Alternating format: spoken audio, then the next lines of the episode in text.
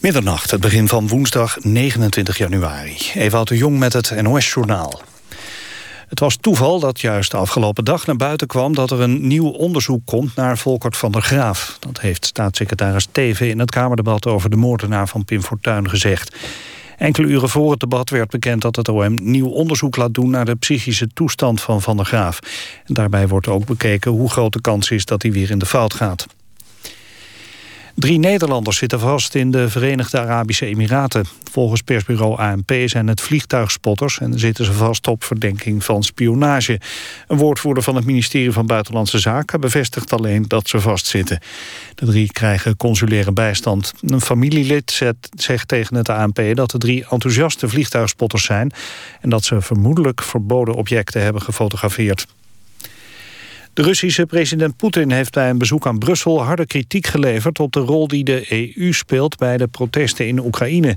Gezien de speciale relatie tussen Rusland en Oekraïne is dit onaanvaardbaar, zei hij. De EU stuurde meerdere hoogwaardigheidsbekleders naar Oekraïne... om te bemiddelen in het conflict tussen de pro-Europese oppositie... en de regering Janukovic, die een pro-Russische koers vaart. Hoe meer bemiddelaars, hoe meer problemen, zei Poetin in Brussel. Op Wall Street is een eind gekomen aan een dagenlange neergang. De Dow Jones-index en de S&P 500 sloten iets hoger... net als de technologie-index Nasdaq... die wel worstelde met een flink koersverlies van Apple. De stemming op de beurzen werd vooral gevoed... doordat het vertrouwen van consumenten in de arbeidsmarkt... en het ondernemersklimaat op het hoogste niveau staan sinds 2008. Het weer. Geleidelijk op de meeste plaatsen droog, met ook wat opklaringen. Minima rond het vriespunt, in het noordoosten wat kouder. Plaatselijk kan het ook glad worden. Overdag op de meeste plaatsen droog en een stevige oostelijke wind... met middagtemperaturen van min 3 in het noordoosten tot plus 3 in het zuiden. Dit was het NOS Journaal. Radio 1. VPRO. Nooit meer slapen.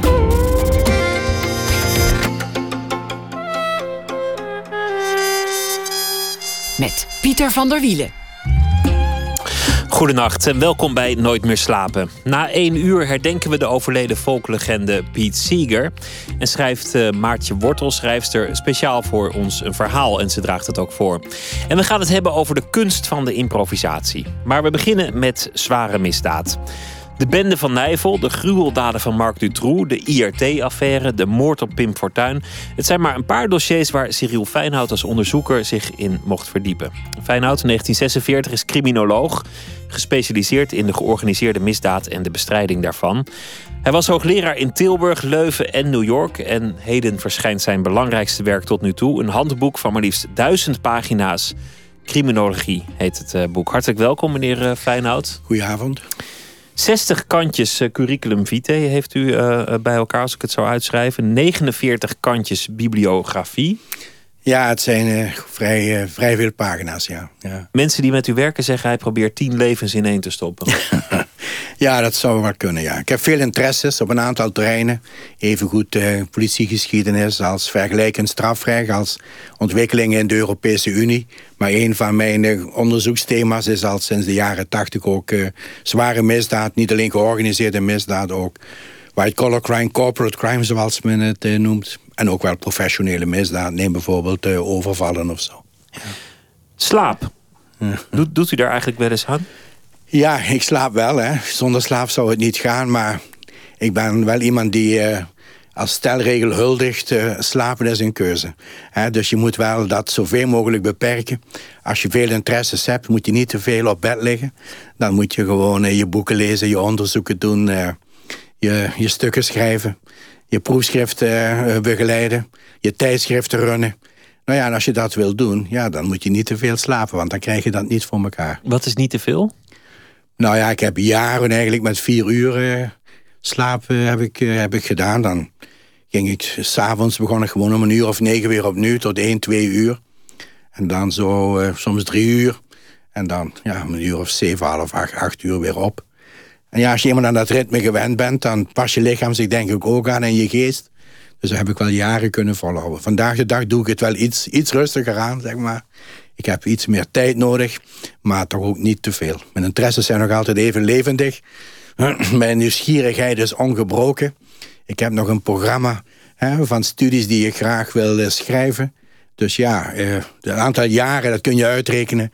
dat ik daarvoor nog heb, is beperkt. Dus ik moet uh, tempo maken. Dus niet al te om veel... dat programma af te wikkelen. Ja. Niet al te veel slapen. Stel dat u zou slapen. Ik kan me voorstellen, na, na zoveel jaren, zoveel dossiers... Ja. ja zoveel gruwelijke daden, gruwelijke beelden... gruwelijke uh, hmm. plaatjes, foto's. Zou u eigenlijk wel kunnen slapen als u het zou proberen? Nou nee, ik slaap wel goed. dat is geen enkele probleem.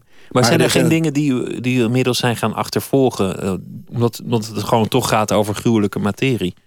Nee, echt uh, achtervolgen niet, uh, gelukkig. Want dan zou je deze onderzoeken hè, voor het Belgisch parlement... of hier in het Nederlands parlement of, of daaromheen... je zou je zeker niet hebben moeten doen. Maar je denkt wel aan allerlei scènes uh, terug somtijds. Dat is wel zo. Dat je in de auto zit en opeens denk je weer... aan een van die aanslagen van de bende van Nijvel. En op een ander moment dan zie je scènes voor je... die te maken hebben met de IRT-affaire. Dus mijn geheugen... Ik had van jongs af aan een heel goed geheugen, dus ik onthoud gewoon heel veel. Zeker beelden, namen, gebeurtenissen, teksten, vrij visueel geheugen. Dus ja, dat is wel, laten we zeggen, vrij paraat eh, bij mij. Maar ik kan het makkelijk van me afzetten, gelukkig. Want u dus ziet ook de, Hè? De, de politiefoto's uh, zitten natuurlijk in het dossier. En dat krijgt u te zien als u wordt gevraagd om, om zo'n onderzoek achteraf te, te bekijken. Ja, nee, zeker die, bijvoorbeeld die aanslagen van de bende van Nijvel. En daar heb ik twee jaar een werkkamer in het Belgisch parlement. En er waren 21 overvallen en aanslagen. Even goed op wapenhandelaren en, en, en juwelierszaken. Hè, maar ook op uh, supermarkten.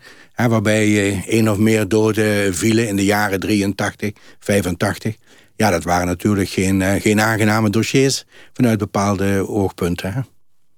Uw vader was al uh, politieman. Ja. Is, is het daar begonnen, de fascinatie voor de, voor de misdaad? Nou, misschien wel. Dat zou best uh, wel kunnen. Hij was politieman in Heerlen, Heerlijde. Dus aan de noordkant van Heerlen, tussen de Oranje-Nassau-mijnen. En hij was een politieman die goed en graag gezien was in Heerlen-Noord, zeg maar. Dat is ook gebleken toen die begraven werd. echt een hele groep mensen uit de stad die, die waren op die, in de kerk, in de Pancratiuskerk in Heerlen. Dus hij was in positieve zin voor mij wel een politieman, zoals je echt wel een politieman zou kunnen en zou willen zijn. Kwam voor mij wel bij, ik had een goed gymnasium gehad. En uh, bij de Paters SVD in Deurne, internaat, zei ik er ook uh, meteen bij. En ja, na zes jaar wilde ik echt wel wat anders dan studeren. En dus toen kwam er een folder binnen wapperen hè, van een van het RIOPA hier in Hilversum... het Rijksinstituut tot opleiding van hogere politieambtenaren. En daar zag je eigenlijk een goede combinatie. Het ging over de politie, dus daar was ik mee vertrouwd. Dat sprak me ook zeker eh, aan. Aan de andere kant was het ook een opleiding... maar, maar ook wel weer een opleiding waar je zeg maar toch heel andere dingen deed dan op dat gymnasium. Hè. En dat, dat, sprak mij aan, zeg maar. En dat heb ik me dus gemeld en dan ben ik uh, uitgeselecteerd... Uh, om dus hier met 30 man in 1965 in de Witte Kruislaan hier vlakbij. Om dus uh, naar het RIOPA te gaan, naar die Rijksinstituut voor Hogere Politieambtenaren. De voorloper eigenlijk van de politieacademie.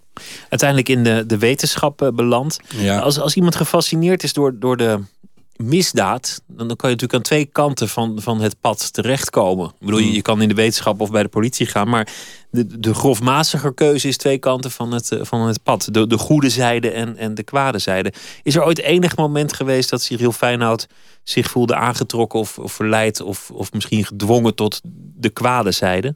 Nee, dat, eh, dat moment eh, is, is mij vreemd. Nee. Die aanvechting heb ik eh, nooit gehad. Maar wel als demonstrant in 1964 in Parijs tegenover de politie gestaan? Ja, dat klopt, ja. Ja, ja inderdaad. We zijn met een vriend toe vanuit Helmond naar Parijs gegaan. Toen daar eigenlijk eh, de grote demonstraties waren tegen de minister van Onderwijs, Fouché. Abba Fouché riepen ze daar en masse.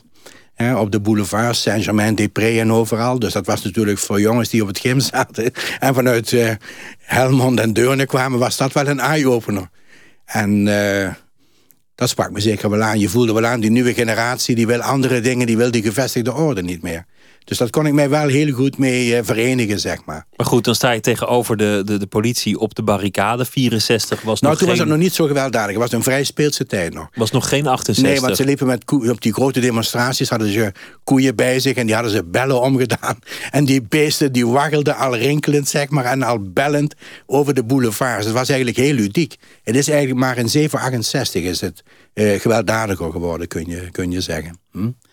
En wat wel zo is, dat toen ik een politieacademie af had... en naar de gemeentepolitie in Tilburg ging... ja, een paar maanden later werd daar de universiteit bezet. Dus daar had ik wel, dat kon ik wel begrijpen wat daar gebeurt. Omdat ik gewoon al in Parijs had gezien wat er in studentenkringen leefde. Maar ook goed uh, ingelezen had. Allerlei boeken en boekjes had meegebracht uit Parijs. En dat ook wel had gevolgd. En dat is ook de reden geweest waarom ik eigenlijk ben gaan studeren terug in Leuven. Omdat ik zag dat de Nederlandse politie, die toch nog een beetje in een soort kramp zat vanwege haar rol in de Tweede Wereldoorlog, hè, die natuurlijk uh, omstreden was, dat die politie het heel moeilijk had in, in 869, zeg maar, om de nieuwe tijd in de ogen te kijken. En te zien hoe ze daarmee om uh, moest gaan. En dat was even goed waar in Amsterdam. denk aan 65, 66, de Provo, het, uh, het lievertje. Maar de huisbezetting en alles wat daaromheen hing. Maar dat was in Tilburg ook waar. En dan dacht ik, nou, ik moet gewoon toch me meer verdiepen... in hoe die samenleving zich aan het draaien is en aan het keren is. Hè? Maar wat, wat is in essentie uw fascinatie voor de misdaad? Want, want u werkt zo ontzettend hard. Zoveel dossiers, zoveel studies, zoveel functies. Wat is het uiteindelijk waarom u zoveel nog moet met, met het thema misdaad? Nou ja, het is niet alleen zeg maar uh, dat mij de misdaad als dusdanig geïnteresseerd. Kijk, misdaad is natuurlijk, uh, laten we zeggen, in samenlevingen wel een beetje de, de, eh, de scheidslijn. Hè? Daar waar uh, waarden en normen, hè? waar een samenleving, zeg maar, een zekere, waarin de samenleving, waarover een zekere consensus bestaat in een samenleving, die consensus wordt eigenlijk uitgedaagd. Hè? Zo niet doorprikt, zo niet en gemarginaliseerd, of misschien wel, wel, wel, wel zeggen, ge, geforceerd. En dat is eigenlijk wat mijn voornaamste punt hierin is. Hè? Ik heb veel Durkheim gelezen. Hè, over de normstelling in samenlevingen als de onze dat een misdaadloze samenleving niet bestaat. En dat een samenleving eigenlijk ook door het plegen van dat misdadigers... of mensen die misdaden plegen... weliswaar die, die normen in vraag stellen... maar dat tegelijkertijd die samenleving door te reageren... bijvoorbeeld met strafrecht, die normen eigenlijk scherp stelt. Dus en dat is eigenlijk, laten we zeggen, mijn, mijn thema op de achterhand. Dat is eigenlijk de inrichting op een democratische, rechtsstatelijke manier... van een samenleving en hoe eigenlijk misdaad die ordening voortdurend in vraag stelt. Eh, dus eigenlijk wordt onze samenleving zoals die is door de misdaad. Het is een soort spiegel die ons maakt tot wat wij als, als democratie zijn. Nou ja, kijk, de ideaalbeeld van een samenleving is toch... dat die volgens een bepaalde orde, volgens een bepaald patroon verloopt. En misdaad is eigenlijk een soort tegenorde. Hè? Zeker als dat eh, meer professionele of georganiseerde eh, vormen aanneemt. En dat is eigenlijk zeg maar, waar mijn grootste interesse naar uitgaat. Dat, is dat eigenlijk bij eh, dat ik hier gewoon, ja, gewoon niet erg nieuwsgierig ben. Hè? En gewoon graag werk. Dus ja... Dan is dat eigenlijk de natuurlijke staat van, van de samenleving? De misdaad, stel dat, dat uh, het systeem zou falen. Is dat dan wat je overhoudt? Gewoon, gewoon iedereen de hersens nee, elke samenleving heeft zijn eigen misdaad dus dat heeft ook uh, Durkheim heel goed beschreven eigenlijk... dat een misdaadloze samenleving niet kan functioneren. Elke, elke samenleving trekt grenzen, heeft waarden en normen... en beschermt en beveiligt u ook tegen diegenen die die in vraag stellen... of overschrijden. Je hebt wel, laten we zeggen, in het marxisme... Karl Marx niet zozeer, maar zijn epigonen... die hadden wel zoiets van dat eigenlijk misdaad een kapitalistisch verschijnsel was... en dat je in een ideale communistische heilstaat geen misdaad zou hebben. Bijvoorbeeld in de DDR, de toenmalige DDR... daar zijn nog boeken geschreven waarin men inderdaad zei... het feit dat we nu nog misdaad hebben... vloeit deels voort uit het verleden... waarin wij kapitalistisch georganiseerd waren... en vloeit deels voort eigenlijk uit de negatieve invloed... vanuit het Westen op onze samenleving. Die vergiftigt onze geest. Maar dus die gingen er nog vanuit dat je een misdaadvrije samenleving kon hebben. Ondertussen maakten ze zo'n dik wetboek van strafrecht... waarin ze alles strafbaar stelden... dat zeg maar hun heilstaat zou kunnen aantasten. Hè? Ja, waarmee dus je ook heel weer... goed zien wat Durkheim schreef. Een misdaad, elke samenleving stelt grenzen. Sanctioneert overtreding van die grenzen. Ongeacht de samenleving die het is. Hoe primitief of hoe hoog ontwikkeld ook. Ik noemde het al aan het begin. Het, uh, het grote handboek, uw, uw magnum opus. Ja. Criminologie en uh, strafrechthandhaving. Duizend bladzijden maar liefst. Een, een studieboek. Daarin beschrijft u uh, de geschiedenis van, van het vakgebied. De, de, de criminologie. Mm. vanaf het begin. E een van de vraag, vragen die daarin terugkomt vanaf het begin al. Die, die nu ook heel actueel is is de boef een wezenlijk ander mens dan, dan de niet-boef? Kun je de boef herkennen nog voor die zijn misdaad heeft gepleegd? Nou ja, dat is wel een, een wel een, eh, een strijd die zeg maar nu al twee eeuwen ja, opflakkert. De ene keer heftiger dan de andere keer. In de 18e eeuw zijn er ook mensen dat je aan de, de vorm van het gezicht... aan het postuur van mensen eigenlijk kunt zien dat ze een criminele inborst hebben. Lombroso met het lage voorhoofd. Dat is de Lombroso is in de 19e eeuw. En Lombroso in der tijd, na allerlei discussies die in de 19e eeuw plaatsgegeven hebben... inderdaad ook gesproken over die geboren misdadiger. Dat je die ook aan zijn fysieke uiterlijk zou kennen. En niet alleen zijn fysieke uiterlijk, ook aan zijn emoties. Ook aan zijn gevoelens. Hè? Ook aan de manier waarop hij zich uitdrukt. Bijvoorbeeld in tekeningen. Hij heeft dat idee naar de hand voor een groot deel losgelaten. Heeft dat verregaand gedifferentieerd. Maar in de kern heeft hij er altijd wel in blijven geloven. Hij is dan gediscrediteerd geraakt. Men heeft hem eigenlijk, zeg maar... Het, het, vertrouwen in Europa, in zijn theorie... is door allerlei omstandigheden verloren gegaan. Punt is wel dat het eigenlijk in de jaren twintig... en met name in het Derde Rijk... terug is opgepakt onder heel andere omstandigheden... en zwaar geïdeologiseerd is. En dan krijg je eh, zeg maar, het herleefd na de Tweede Wereldoorlog... eigenlijk in de jaren 60, 70 in de Verenigde Staten. Met de vooruitgang, laat ons grof gezegd zeggen, van de hersenwetenschappen. Ja, want dat is nu, nu komt het vaak uh, terug. Dat mensen zeggen op basis van de neurobiologie... kun je zien dat de ene een grotere aanleg heeft voor, voor misdaad dan de ander. Nee, daar zijn inderdaad theorieën die daar de, de ronde doen. Neurologen die zich daarover uitspreken. Of mensen die neurologische boeken lezen. Maar uh, ik moet u zeggen, ik geloof hier niet in. Nee. Om de eenvoudige reden, maar dat is ook historisch inzicht. Hè? Als je het praat over misdaad, dan praat je over normstelling. Hm? En dan praat je over het, hand, over het, het stellen en het, het, naleven van normen. En ook het sanctioneren van overtreden van normen. Dat zit in een heel ander register, laten we zeggen, dan de, dan de opmaak uh, van onze kleine hersenen of van onze hersenen. Dat is een biologische kwestie. En uh, inderdaad, als je mensen hebt die geweld plegen... dan zou je misschien nog kunnen zeggen... dat heeft ook te maken met hun biologische toerusting of uitrusting. Maar ja, als je dat moet dan toepassen, dat soort theorieën. Maar meestal blijft men daar ver weg, blijven die neurologen daar ver van weg. Als je dat dan moet toepassen op bedrijfsleiders die kartels maken... Hè, om hun kosten te drukken en hun expansie beter te kunnen financieren... of als je dat toepast op andere categorieën van misdaad... dan zie je gewoon dat deze opvatting eigenlijk volstrekt onduidelijk is gewoon. Hè. Men, men, men, grijpt een gemakkelijk voorbeeld. Daarmee lijkt het plausibel. Dat deed Lombroso eigenlijk ook. Maar als je er verder op doorgaat, moet je eigenlijk vaststellen... dat men naar iets op zoek is wat er gewoon niet is. Maar je zou wel kunnen zeggen, op basis daarvan en de voorbeelden die u noemt... dat de criminologie eigenlijk een gevaarlijke wetenschap is.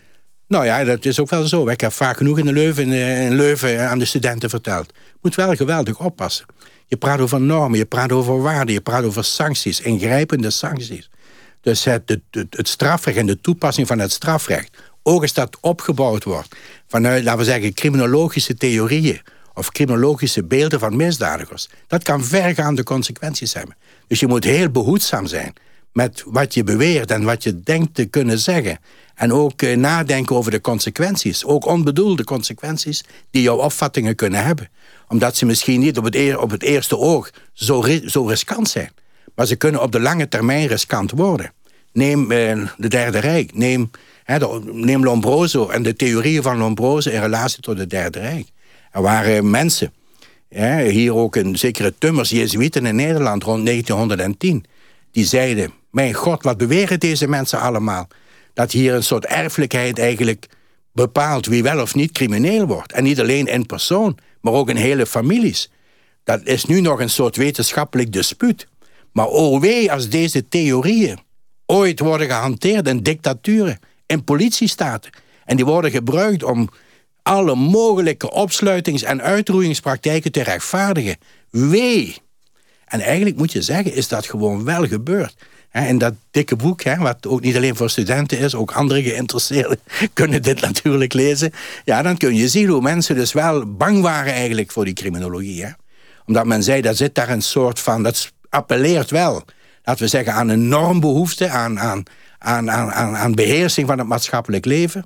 Maar in handen van democratieën is het misschien nog hanteerbaar. En heb je tegenkrachten die radicalisering van die ideeën... en zeker in de toepassing kunnen tegenhouden. Maar wee als er mensen zijn die monopolies van macht krijgen... en die met deze theorieën eigenlijk hun machtspositie willen beklinken. Symbolisch of materieel. Dan wordt het een gevaarlijke wetenschap. Straks uh, gaan we het hebben over de misdaad in Nederland. En waar u slecht van zou slapen als u meer zou slapen en als u überhaupt slecht zou slapen. We hebben ook uh, muziek uitgekozen die te maken heeft met uh, criminaliteit. Een, een, bekende of een berucht Amerikaanse rovers-echtpaar uit de jaren 30, Bonnie en Clyde. Uh, ze hebben Frankrijk ook gehaald, want ze zijn bezongen door Serge Gainsbourg.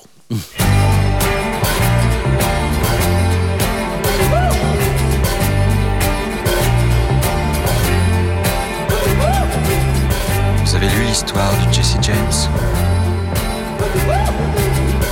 il vécu Comment il est mort Ça vous a plu, hein Vous en demandez encore Eh bien, écoutez l'histoire de Bonnie and Clyde.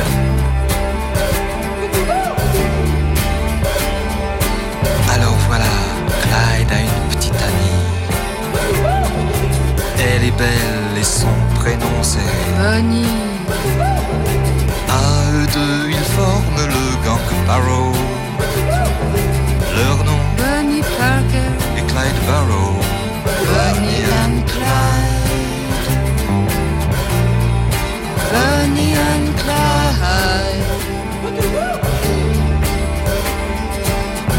lorsque j'ai connu Clyde autrefois, c'était un gars loyal, honnête et droit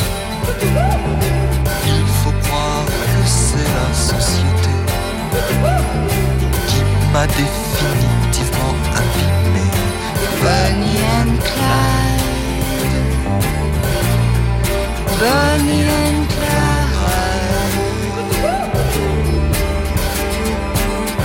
qu'on n'a pas écrit sur elle et moi On prétend que nous tuons de sang-froid. C'est pas drôle, mais on est bien obligé de faire taire celui qui se met à gueuler. Bonnie and Clyde.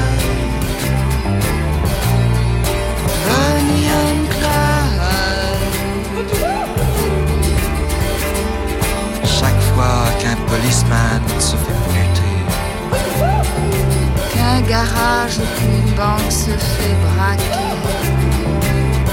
la police, ça ne fait pas de mystère. C'est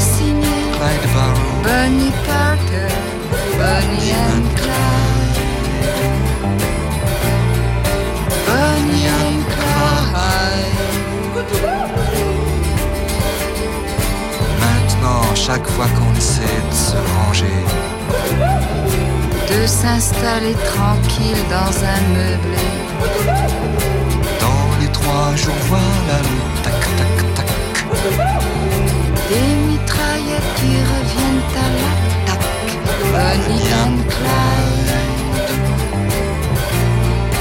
Bonnie and Clyde. Un de ces quatre tomberont ensemble. Moi je m'en fous, c'est pour Bonnie que je tremble. Quelle importance qu'il me fasse la peau. Moi, Bonnie, je tremble pour Clyde Barrow. Bonnie and Clyde. Bonnie and Clyde. De toute façon, il ne pouvait plus s'en sortir. Serge Gainsbourg samen met Brigitte Bardot over het rovers echtpaar Bonnie en Clyde, een nummer uit 19 68. Uh, Cyril Feyenoord is uh, criminoloog, zit hier in de studio bij uh, de VPRO Nooit meer slapen. laten we het hebben over, want, want u heeft zoveel dossiers um, onder, onder uw hoede gehad en zoveel rapporten geschreven dat het ondoenlijk is om ze allemaal te behandelen. Zou er niet aan beginnen? Nee, dus, dus niet de bende van Nijvel en, en niet Volkert en dat, dat, is gewoon te veel. Maar, maar, waar ik het over wilde hebben is, is het moment wat uiteindelijk natuurlijk volgens mij de angst is van iedereen die zich eh, bezighoudt met handhaving. Het moment dat de misdaad het gewoon wint. En er zijn in de geschiedenis momenten geweest dat het bijna zover was. nou ja, er zijn natuurlijk, en, en, niet alleen maar, zeg maar in de brede, lange geschiedenis. Hè, ook als je kijkt naar West-Europa en je kijkt naar Italië, je kijkt naar Zuid-Italië dan moet je gewoon wel vaststellen dat het bendewezen dat op zichzelf in de 18e eeuw veel gemeen had met het bendewezen hier in Nederland. Hè, met bokkenrijders om maar even de term te laten vallen dat dat bendewezen in Italië eigenlijk ongestoord heeft kunnen doorgroeien. En dat, uh, laten we zeggen, de toch wat mislukte eenmaking van de Italiaanse staat in 1860 ertoe heeft geleid dat die bendes gemene zaak hebben kunnen maken in het zuiden van Italië met de elites die dat waren. Zowel de politieke als de economische elites. En dat zij eigenlijk door die wisselwerking en door die verwevenheid, maar vooral met één hele grote troef, namelijk de bereidheid om geweld te gebruiken.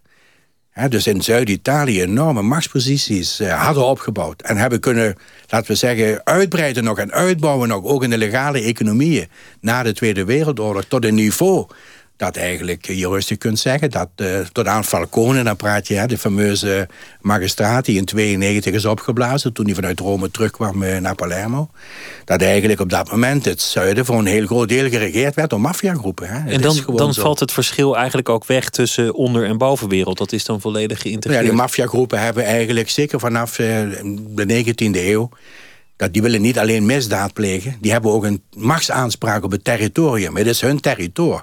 En zij zien de Italiaanse staat als een, rivale, als een rivaal die zij mogen en moeten bestrijden. Dat is volkomen legitiem om dat te doen. Is het niet door te corrumperen, dan is het wel door geweld te, te gebruiken. In het besef natuurlijk dat extreme geweld ook wel zijn tegenkanting heeft. Want hè, het uh, vermoorden van Falcone en Borsellino in 92...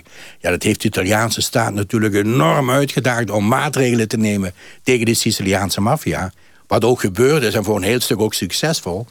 Maar die aanspraken waren er wel. En dat is eigenlijk in de rest van Europa niet direct aanwijsbaar... dat wij hier criminele groepen hebben... die zeg maar aanspraak maken op politieke macht.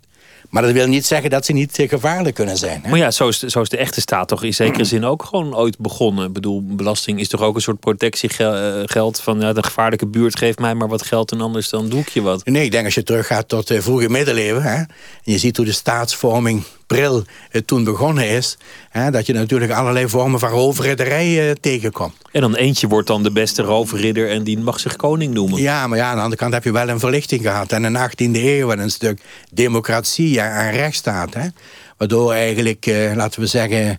Hè, het geweld en het geweldsmonopolie toch aan de kant van die enigermate beschaafde overheid terecht is gekomen. En dan kun je natuurlijk niet meer verdragen dat criminele groepen machtsposities opbouwen in samenlevingen die als het ware dat geweldsmonopolie aanvechten of misschien wel marginaliseren of kunnen, kunnen ontwijken. Dan moet je, dat moet je echt wel voorkomen. Dat is even waar in Italië, waar het zo bijna zeggen extreem waar is.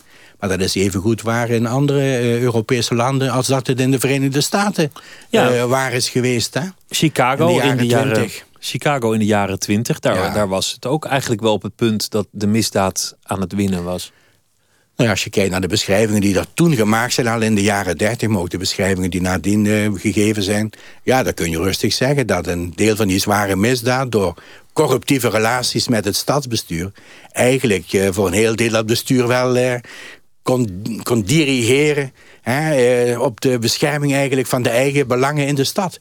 En dat ging natuurlijk voor een belangrijk deel om, om gokken. Hè. Het ging om prostitutie. Het ging ook wel een beetje al om verdovende middelen. Maar het ging wel om belangrijke machtsposities, ja. En weer dat, uh, de bereidheid om excessief geweld te gebruiken. Dat iedereen weet, ik doe maar niks, want, want ze zijn tot alles in staat. Nou ja, dat part aan dat geweld is wel dat als het een beetje rationeel, instrumenteel gebruikt wordt... dat men ook in misdaadkringen wel begrijpt dat dat grenzen kent, dat je het niet excessief moet gebruiken... omdat je dan ook de tegenkanting krijgt vanuit die reguliere staat. En neem het voorbeeld van Falcone en Borsellino eh, op Sicilië. Maar aan de andere kant wil je je kunnen handhaven in een illegale wereld... Ja, je kunt niet naar de rechter met je problemen. Hè? Dus ze moeten worden opgelost in onderling verband. En als het tot conflicten komt, moeten die kunnen worden beslecht.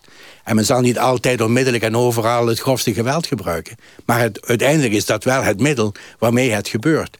En dus het hoeft niet veel gepleegd, er hoeft niet veel geweld gebruikt te worden... om de reputatie te hebben dat je bereid bent om het te gebruiken. En die reputatie is eigenlijk het belangrijkste, het belangrijkste wapen. De wetenschap dat je bereid bent om desnoods met geweld... dat conflict te beslechten. U bent uh, een van de eerste geweest die in Nederland waarschuwde dat uh, de vastgoedsector in Amsterdam in verkeerde handen uh, dreigde te vallen. Of dat in ieder geval de vermenging van onder- en bovenwereld bezorgdmakende vormen aannam. Is er ooit een moment dat u in Nederland uh, tendensen ziet die u doen denken aan Zuid-Italië of, of Chicago? Nee, ik heb dat altijd, uh, altijd bestreden dat dat zo zou zijn. Hè? Ook in de voorbije jaren dat ik in het Amsterdamse actief ben geweest. Kijk, wat natuurlijk in Italië, en dat sluit aan op het punt dat we net bespraken... daar heb je dan inderdaad maffiagroepen die het bestuur eigenlijk controleren. Hm? Waar het bestuur eigenlijk uh, gedirigeerd wordt door illegale machtsposities van criminele groepen.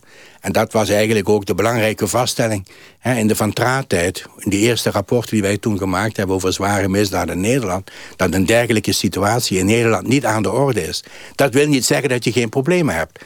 Hè, met name het grote geld verdiend op de drugsmarkten. Ja, dat was toen al natuurlijk, weer baarde dat grote zorgen. Wij vroegen ons met een aantal mensen ook af, waar blijft dat grote geld? Alleen toen werd er nog heel weinig financieel onderzoek gedaan. Op de, we zeggen, de, de bestedingen en de investeringen met gelden die, uit die met name uit die grote drugshandel uh, kwamen.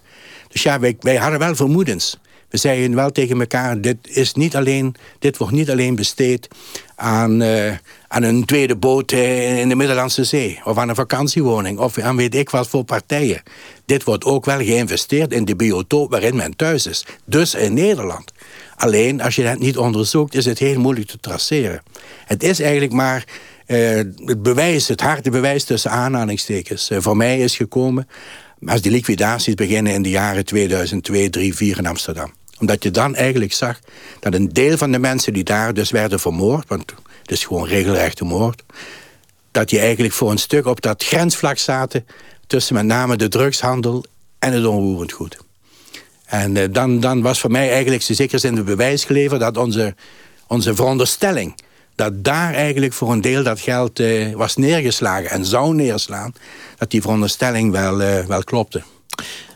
Iedereen moet ergens beginnen en zo ook een crimineel. Een, een groot crimineel moet ergens als klein crimineeltje beginnen.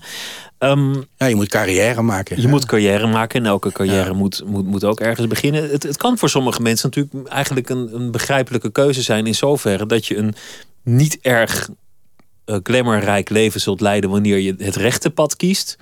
Je zult nooit in een BMW rijden en je zult het nooit verschoppen. Terwijl als sommige mensen voor de criminaliteit kiezen, dan, dan zullen ze misschien wel in een, in een grote auto kunnen rijden en een glamourrijk leven leiden. Nou ja, dat, dat, dat probleem is in de jaren twintig in de Chicago-onderzoeken eh, heel goed beschreven.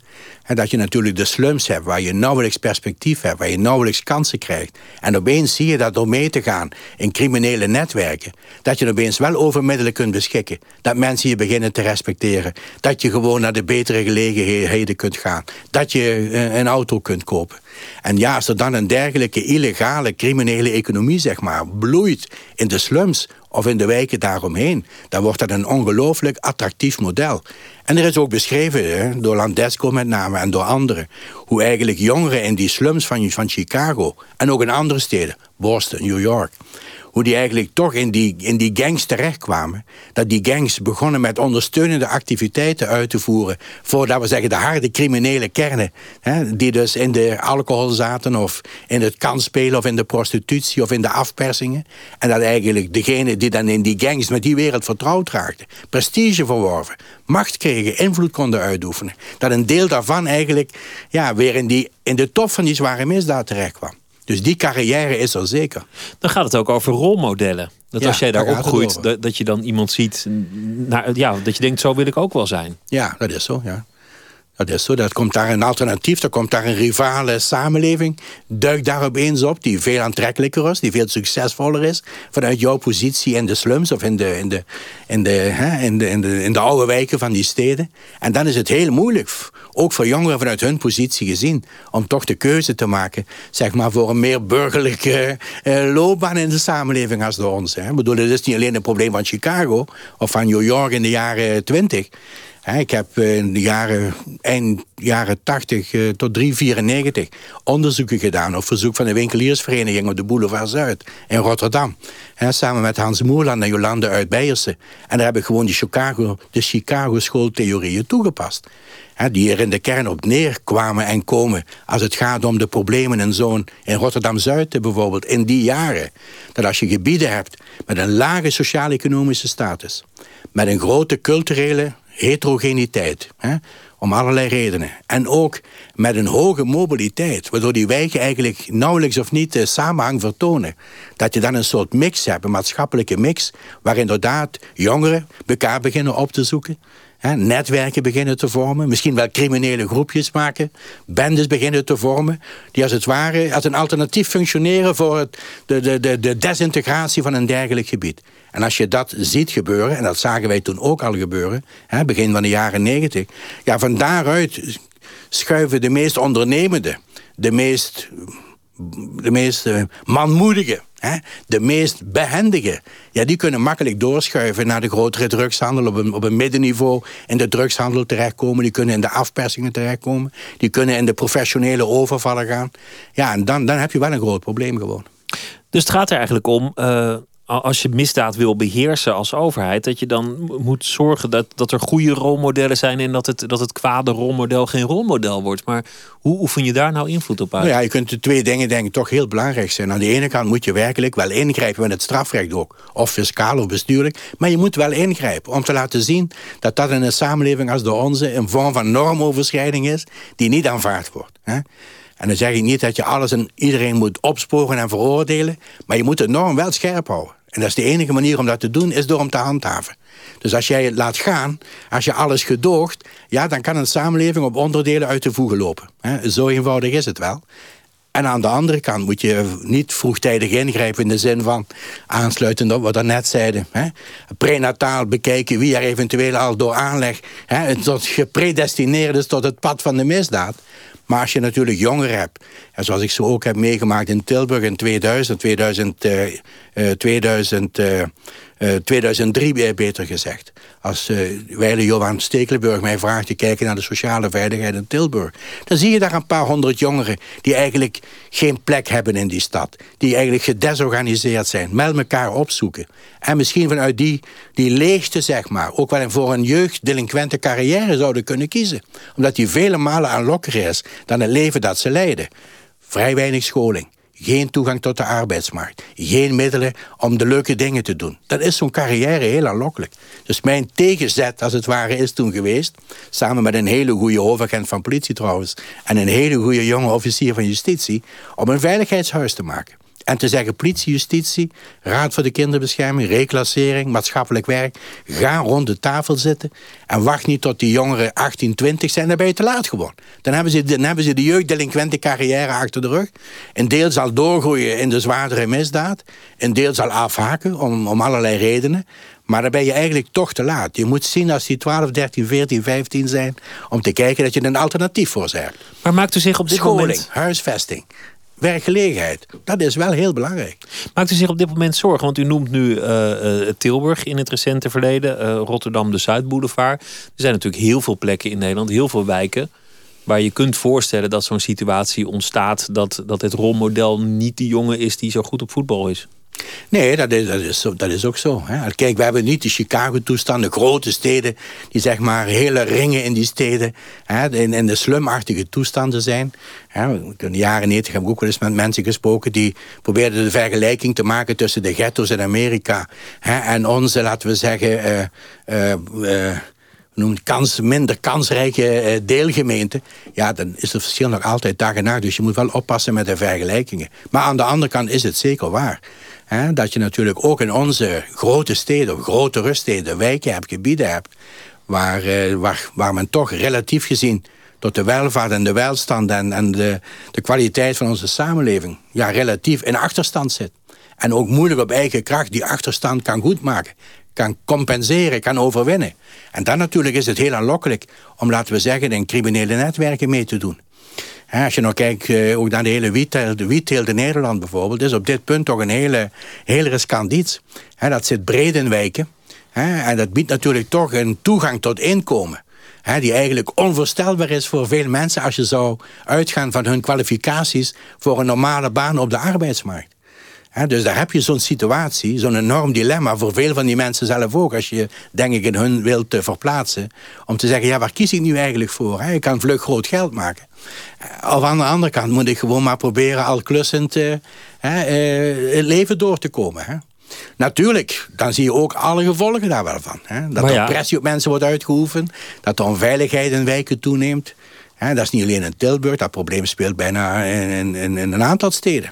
De politiek eh, zal elke verkiezingstijd als oplossing noemen... meer blauw op straat. Is dat ook de oplossing? Nou ja, ik ben, een, ik ben erg gekant tegen die kwalificatie. Hè? Maar dat de aanwezigheid van politiemensen en van goede politiemensen. Ik ben een grote fan van hele goede wijkagenten. Hè? En met name in kansarme buurten, maar ook wel op andere plaatsen in steden. Dat er een dekkend netwerk is, is wel heel, eh, heel belangrijk. Maar zonder een goede recherche springen ze niet ver. Hè? De wereld waarin wij leven, hè, die, die vraagt gewoon wel dat die aanwezigheid van die politiemensen op straat, die veel horen, die veel zien, dat er wel, laten we zeggen, back-up is. Dat er wel backing is vanuit een hele goede opsporingsdienst. Dat is wel eh, En niet alleen een opsporingsdienst. Denk even aan mijn voorbeeld eh, van het Veiligheidshuis. Het is niet alleen met repressie dat men het zal kunnen redden. Men zal ook proberen, moeten proberen andere maatregelen te treffen natuurlijk. Het is de tijd van de NSC. Het is de tijd eh, waarin het eh, heel erg in het nieuws gaat over dat, dat alles in de gaten wordt gehouden, dat niemand een, een, een geheim heeft. Hoe is het eigenlijk mogelijk dat, dat criminaliteit het nog zo goed doet als zoveel dingen in de gaten worden gehouden? En hoe kan het dat hele wijken aan de controle ontsnappen van de politie, terwijl de politie eigenlijk alles eh, in de gaten zou kunnen houden als ze willen? Nou ja, ik weet niet of dat eh, inderdaad eh, zo is. Ik denk ook niet, de, de Nederlandse verhoudingen zijn er denk ik weinig wijken die aan het oog van de politie ontsnappen. Ik bedoel, wat ik net al zei, je hebt niet die ghetto-achtige toestanden. Zoals je ze in andere delen van de wereld hebt. En dan praat ik niet alleen over eh, de Verenigde Staten, maar denk aan Zuid-Amerika, denk aan andere delen van de wereld. Dat is niet de situatie die wij hier hebben. Maar gelukkig zou ik, eh, zou ik zeggen. Maar, aan de andere kant is het natuurlijk ook wel zo inderdaad... dat als het gaat om die wat zwaardere vormen van misdaad... dat het een hele klus is, ook op Europees grondgebied... om dat enige mate binnen de perken te houden. Dat is zeker, eh, zeker waar. En het heeft deels te maken met het feit... dat men onvoldoende inzicht heeft in hoe het werkelijk zit... En eigenlijk ook te veel op retoriek drijft, eh, naar mijn idee. Hè. Moet nu donderdag gaan spreken weer bij de Europese Commissie... over een, het veiligheidsprogramma, zeg maar, na 2014. Ja, men heeft toch heel lang daar het idee gepropageerd... en de Europese Unie ook... dat georganiseerde misdaad iets transnationaal is. Iets wat als het ware boven onze macht uitgaat... waar we niks aan kunnen doen. Het is voortdurend trans. Hè. Ja, mijn stelling daartegenover is... nee, is georganiseerde misdaad is heel lokaal eigenlijk in een aantal opzichten. En die synthetische drugs worden niet transnationaal geproduceerd. Nee, die produceren ze in schoppen en schuren en stallen. Hè, in Nederland en België en, en, en in Spanje en weet ik waar ter wereld. Hè. En als je praat over vrouwenhandel... kun je dat wel zeggen, dat is een transnationaal fenomeen. En in bepaalde opzichten is het ook zo. Maar die vrouwen worden wel gerecruiteerd in de slums van Manila. Of in de, hè, in de arme gebieden van Puerto Rico. Of hè, in de armste gebieden van Zuidoost-Europa. En ze worden uitgebuit in de red light districts eh, van West-Europa. Dus je kunt er altijd eh, bij. Is het, Dus de- ja, je moet gewoon op de eerste plaats zorgen. Als je het wilt beheersen, moet je je niet verliezen in fantasieën. Je moet kijken hoe die problemen in elkaar zitten. En als het gaat om georganiseerde misdaad, is het ontzettend belangrijk dat je gewoon competente, gekwalificeerde, bestuurlijke, justitiële en fiscale overheden hebt op lokaal niveau. En die moet je organiseren. Dat is ook Die een, een- organiseren, ja. een dossier waar u zich veel mee bezig gaat. Even terug Ja. naar het handboek der criminologie dat u Ja. net geschreven heeft. Heeft in, in, in al die jaren de, de wetenschap der criminologie eigenlijk ooit een oplossing voor, voor misdaad bedacht? Nee, criminologie eh, wil soms wel eens ver kijken en ook wel pretenties hebben, zo mensen in de criminologie. Maar een van de redenen waarom ik dit boek heb willen schrijven is... mensen, kijk nou even naar wat er allemaal beweerd is... en tot wat het heeft geleid of niet heeft geleid. Relativeer die posities. Maar eh, nee, er heeft nooit iemand zeg maar, het grote heil gebracht. Laat staan dat, dat, ooit dan, dat die boodschap ooit is eh, uitgevoerd. Ik zou zeggen, gelukkig maar. Hè. Ja, maar, maar Want, de, de eh, medische wetenschap streeft naar het bestrijden der ziekten. Je zou kunnen zeggen dat de criminologie streeft naar het bestrijden der, der misdaad. Nou, er wordt in de criminologie heel verschillend over gedacht. Hè? En ook over wat misdaad is. Dus dat is een vrij gecompliceerde discussie eigenlijk in de criminologie. Maar wat je in criminologie wel kunt doen en ook moet doen, vind ik... daar ben ik ook nooit huiverig voor geweest. Je moet wel proberen problemen te beheersen. Hè? Als je uitgaat van een democratische rechtsstaat... Hè, dat, dat het gaat om het handhaven van het recht... en niet met geweld eh, jouw, eh, jouw positie en jouw belangen doorzetten... ja, dan is het wel heel belangrijk dat je diegenen die met name ook hè, laten we zeggen, die rechtsstatelijkheid en die democratie en dat geweldsmonopolie ter discussie stellen, ja, dan moet je wel, laten we zeggen, vind ik in de criminologie niet, uh, niet, je niet generen om beleid te ontwikkelen, met voorstellen te komen om dat in elk geval in de hand te houden. Maar u zei net iets opmerkelijks. U zei als je, als je er te laat bij bent, als iemand al is begonnen aan zijn criminele carrière, dus op zijn achttiende, dat is mhm. relatief jong, ja. dan ben je gewoon te laat. Ja, nou, dat zie je natuurlijk ook. Dat een heel aantal mensen, dat is even waar in Nederland... als in Europa, als waar ook ter wereld... die gaan wel in misdaadcarrières door. Maar, maar te, dat te laat wil dat zeggen... niet eenvoudig om dat nog te beheersen gewoon. Hè? Want die ontwikkelen belangen, die ontwikkelen strategieën. Die kunnen wereldwijd, eh, als het ware, eh, opereren. Dus dan heeft de rechtsstaat wel een groot probleem. Dus het is wel belangrijk dat in de mate dat je het kunt tegengaan... voorkomen we ook al een, nou we zeggen, een beetje beladen woord... maar in de mate dat je het kunt tegengaan, moet je het wel proberen. Want als het doorgroeit, heb je veel grotere problemen om het te beheersen. Maar als iemand uh, de 18 voorbij is en hij is redelijk goed... want je moet, je moet natuurlijk ook nog eh, iets kunnen. hè? Het, is, het, is wel, het is wel een vak, uh, beroepscrimineel. Ja. Hmm. Is iemand dan eigenlijk opgegeven? Is dan de enige mogelijkheid of hij zit vast of hij is misdadiger? Nou ja, op kijk, je hebt natuurlijk ook weer daar categorieën. En als je natuurlijk een, een wat eh, verarmde veelpleger bent... Hè, die in de stad probeert met kleine diefstallen en inbraken en insluipingen... de kosten verdienen, dan praat je over heel iemand anders... dan, die, hè, dan diegene die zeg maar een professionele of een georganiseerde misdaad... of een grote fraude is, zeg maar, zijn, me zijn meesterschap heeft bewezen en kan bewijzen. Hè. Maar als het in die hoeken gaat, ja, dan denk ik dat veel mensen in criminologie wel sceptisch zijn. Het is een stijl geworden, het is een leven geworden. Men heeft daar zijn leven op ingericht, zijn denken, men heeft zijn, men heeft zijn misdadig gedrag genormaliseerd. Men heeft argumenten om het te rechtvaardigen. En dus dat is heel moeilijk terug te dringen. Het is niet voor niks dat men in Amerika, laten we zeggen, bijna 18e eeuw redeneert op dit punt. Hè dat uh, als mensen hebben een zware georganiseerde misdaad... die gewoon niet alleen zwarte markten proberen te controleren... maar zoals in de jaren 70, 80 in New York... ook legale markten, economische markten, de voedselmarkt, de transport... Uh, stukken van de, van de textielindustrie, hè, geef afvalnijverheid. Ja, dat zijn mensen die gewoon entrepreneurs, hè, bij wijze van spreken... maar wel gewelddadige entrepreneurs in zo'n domeinen. Ja, daar, die kun je niet uh, met... Met met uh, lichte sancties afbrengen uh, van dat pad. Dat is bijna uitgesloten.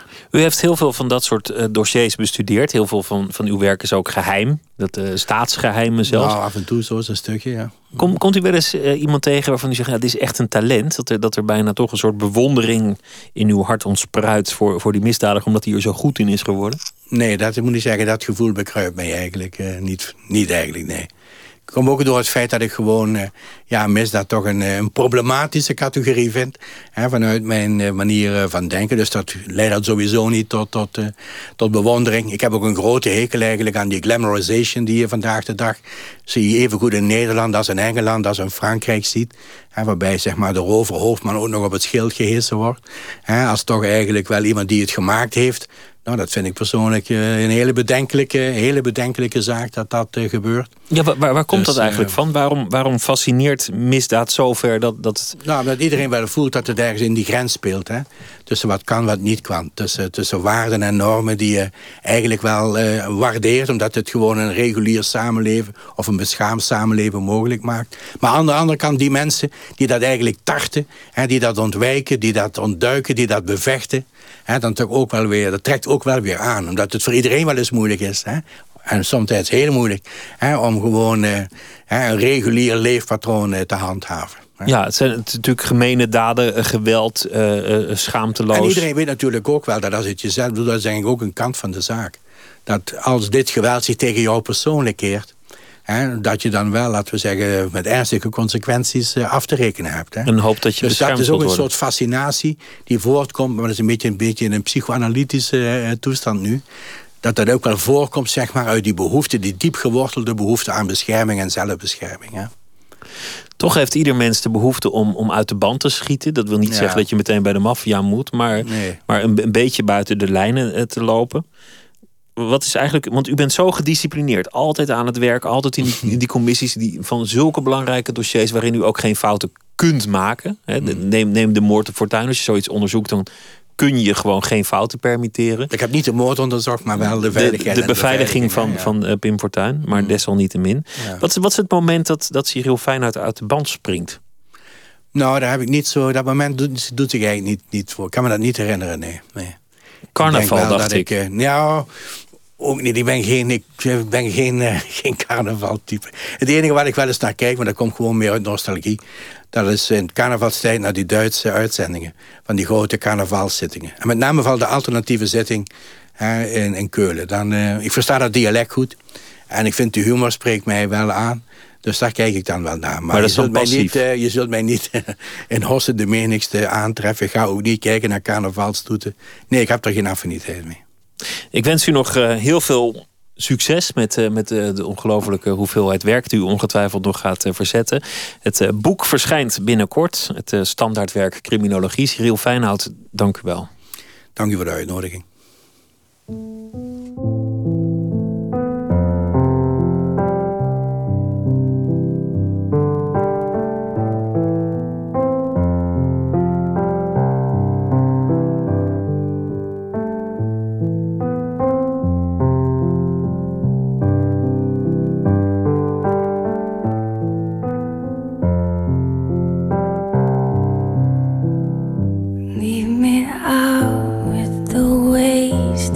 It's not what I do. It's the wrong kind of place to be thinking of you.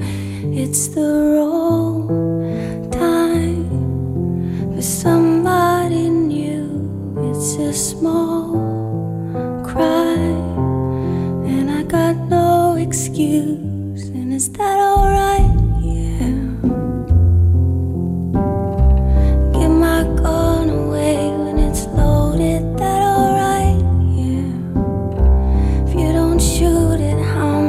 to hold it that alright, yeah.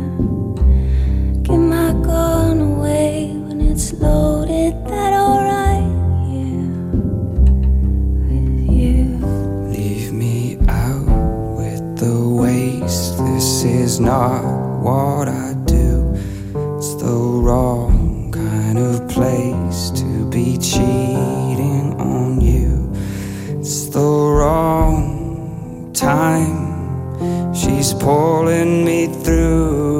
a small crime, and I got no excuse. And is that alright? Yeah.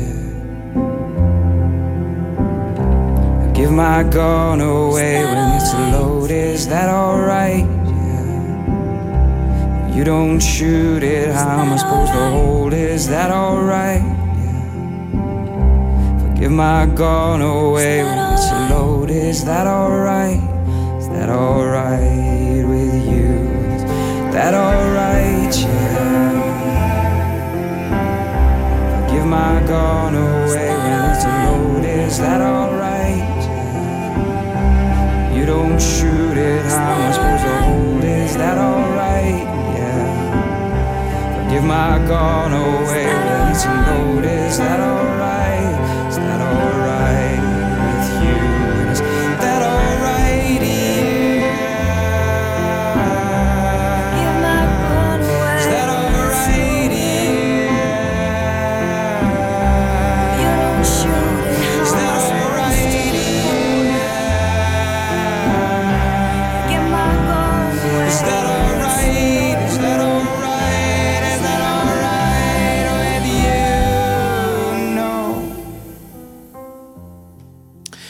Crimes heet het nummer van Damien Rice. Hij was ooit straatartiest en ineens werd hij popster, deze Ierse singer-songwriter.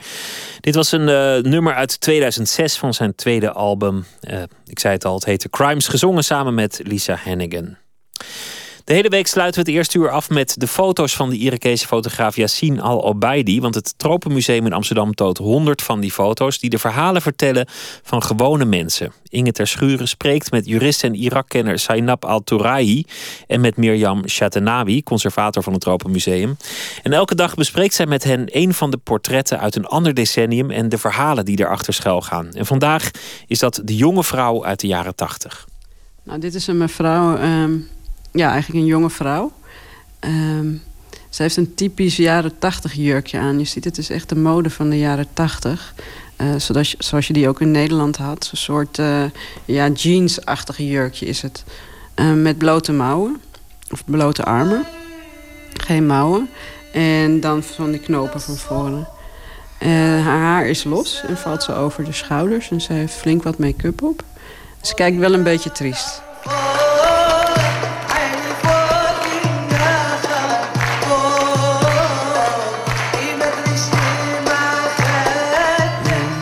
Uit de jaren tachtig, uh, de, foto, de portretfoto's die we hebben uit die tijd... die laten eigenlijk allemaal mensen zien aan die typisch jaren tachtig kleding. Bijvoorbeeld met van die balpennen die je om je nek kon hangen. Of buttons. Maar ook van die, ja, van die sweaters. Van die Amerikaanse sweaters met van die opschriften erop. En is echt typisch die mode voor die tijd. Je ziet dat heel veel mensen in Irak dat, uh, dat toen droegen blijkbaar zij kijkt een beetje triest, maar op de andere foto's zie je wel mensen lachen. En wat wel opvalt is dat het de latere foto's uh, dat lachen eigenlijk wel verdwenen is. Hm.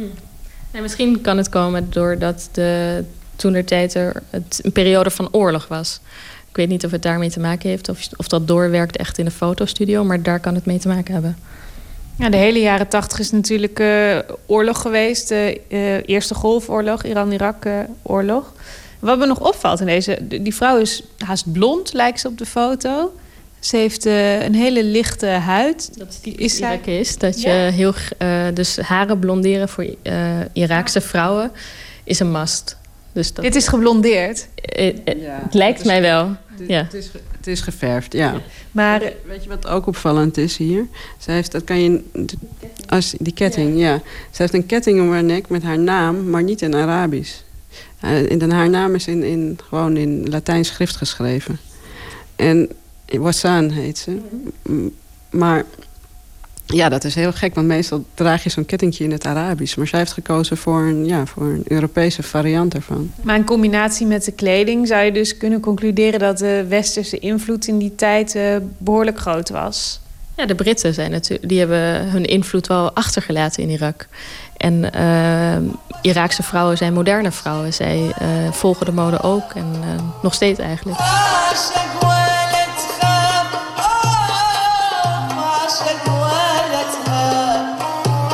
Ik kan even niet inschatten hoe oud deze vrouw is. Maar als zij nog ongehuurd zou zijn, dan zou het ook maar zo kunnen zijn dat zij deze liet maken om aan potentiële huwelijkspartners te laten zien. Ja. En dat ze die dan meenam ergens naartoe? Of uh, hoe, hoe, gaat dat, dat spel? dat is, uh, een, nou ja, het, uh, het handvragenritueel is meestal dat de vrouwen die scouten een jongen. En die gaan dan op zoek naar een meisje voor hem. En uh, meestal ging het dan zo op, uh, natuurlijk op achternaam van de families, maar ook wel van, ja, ziet het meisje er mooi uit? Dus wat je dan doet op die foto's is uh, je huid egaal laten maken, net iets witter dan normaal, je haar helemaal mooi, ja. Je ziet ook in de carrière van die fotograaf, hij begint echt in de goede wijken te werken, maar naarmate Irak um, afglijdt in, in, in oorlog en geweld... gaat het hem persoonlijk ook steeds slechter. En uiteindelijk heeft hij een studio echt helemaal aan de rand van de stad... in een, in een vrij arme buurt. Dus je ziet dat ook zijn, ja, zijn persoonlijke carrière gaat achteruit... als gevolg van de toestand in het land. En hoe was dat voor hem dan in de jaren tachtig? Want het is bijna de hele jaren tachtig uh, oorlog geweest. Kon hij zichzelf toen wel staande houden? Ja, toen zijn eigen studio in Basra. En dat ging heel goed. Hij had heel veel klanten. En hij, had, ja, hij was de beste studio van, van de stad. Uh, dat zegt hij zelf, maar ja, goed. je ziet het ook wel een beetje in de foto's die hij daar heeft genomen. Dat de mensen die daar kwamen, dat, dat zijn de wat rijkere mensen. En ja, uh, die gaan toch over het algemeen naar de studio die, die hen het beste bevalt. Dus het klopt waarschijnlijk ook wel wat hij zegt. Alleen in 1991 uh, ja, is er een opstand geweest tegen Saddam in Basra. En toen is zijn studio uh, grotendeels verwoest. En het werd voor hem onmogelijk om daar nog te blijven. Dus toen moest hij terug naar Bagdad. Hij had bijna geen geld meer, want alles is hij kwijtgeraakt toen in 1991. Uiteindelijk is hij toen in Bagdad, in, aan de rand van de stad... heeft hij daar een nieuwe studio kunnen kopen. Maar dat was wel een veel mindere buurt.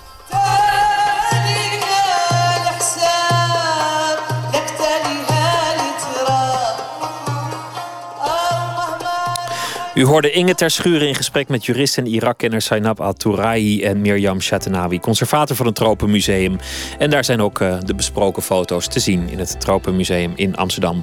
Nooit meer slapen is straks terug met het tweede uur. Maartje Wortel heeft een verhaal geschreven voor ons. Maartje Wortel is de schrijfster van het onlangs verschenen boek IJstijd. We gaan het hebben over improvisatietheater en over de overleden folklegende Piet Seeger. Tot zometeen.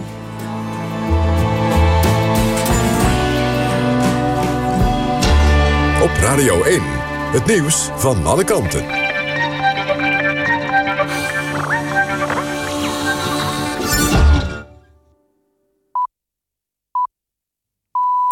1 uur, Ewout de Jong met het NOS-journaal.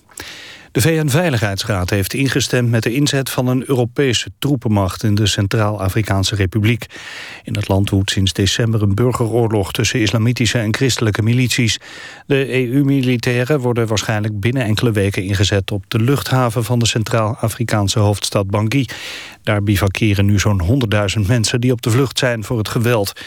De EU-missie zal bestaan uit 500 tot 600 militairen. Welke landen militairen zullen leveren is nog onduidelijk. Drie Nederlanders zitten vast in de Verenigde Arabische Emiraten. Volgens persbureau ANP zijn het vliegtuigspotters... en zitten ze vast op verdenking van spionage. Een familielid zegt tegen het ANP dat de drie enthousiaste vliegtuigspotters zijn... en dat ze vermoedelijk verboden objecten hebben gefotografeerd. Een woordvoerder van het ministerie van Buitenlandse Zaken bevestigt alleen dat ze vastzitten. De drie krijgen consulaire bijstand. Het was toeval dat juist vandaag naar buiten kwam... dat er een nieuw onderzoek komt naar Volkert van der Graaf. Dat heeft staatssecretaris Teven gezegd... in het Kamerdebat over de moordenaar van Pim Fortuyn. Enkele uren voor het debat werd bekend dat het OM nieuw onderzoek laat doen... naar de psychische toestand van Van der Graaf. Daarbij wordt ook bekeken hoe groot de kans is dat hij weer in de fout gaat.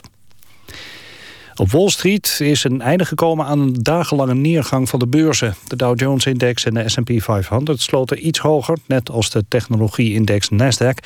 die dan wel weer worstelde met een flink koersverlies van Apple.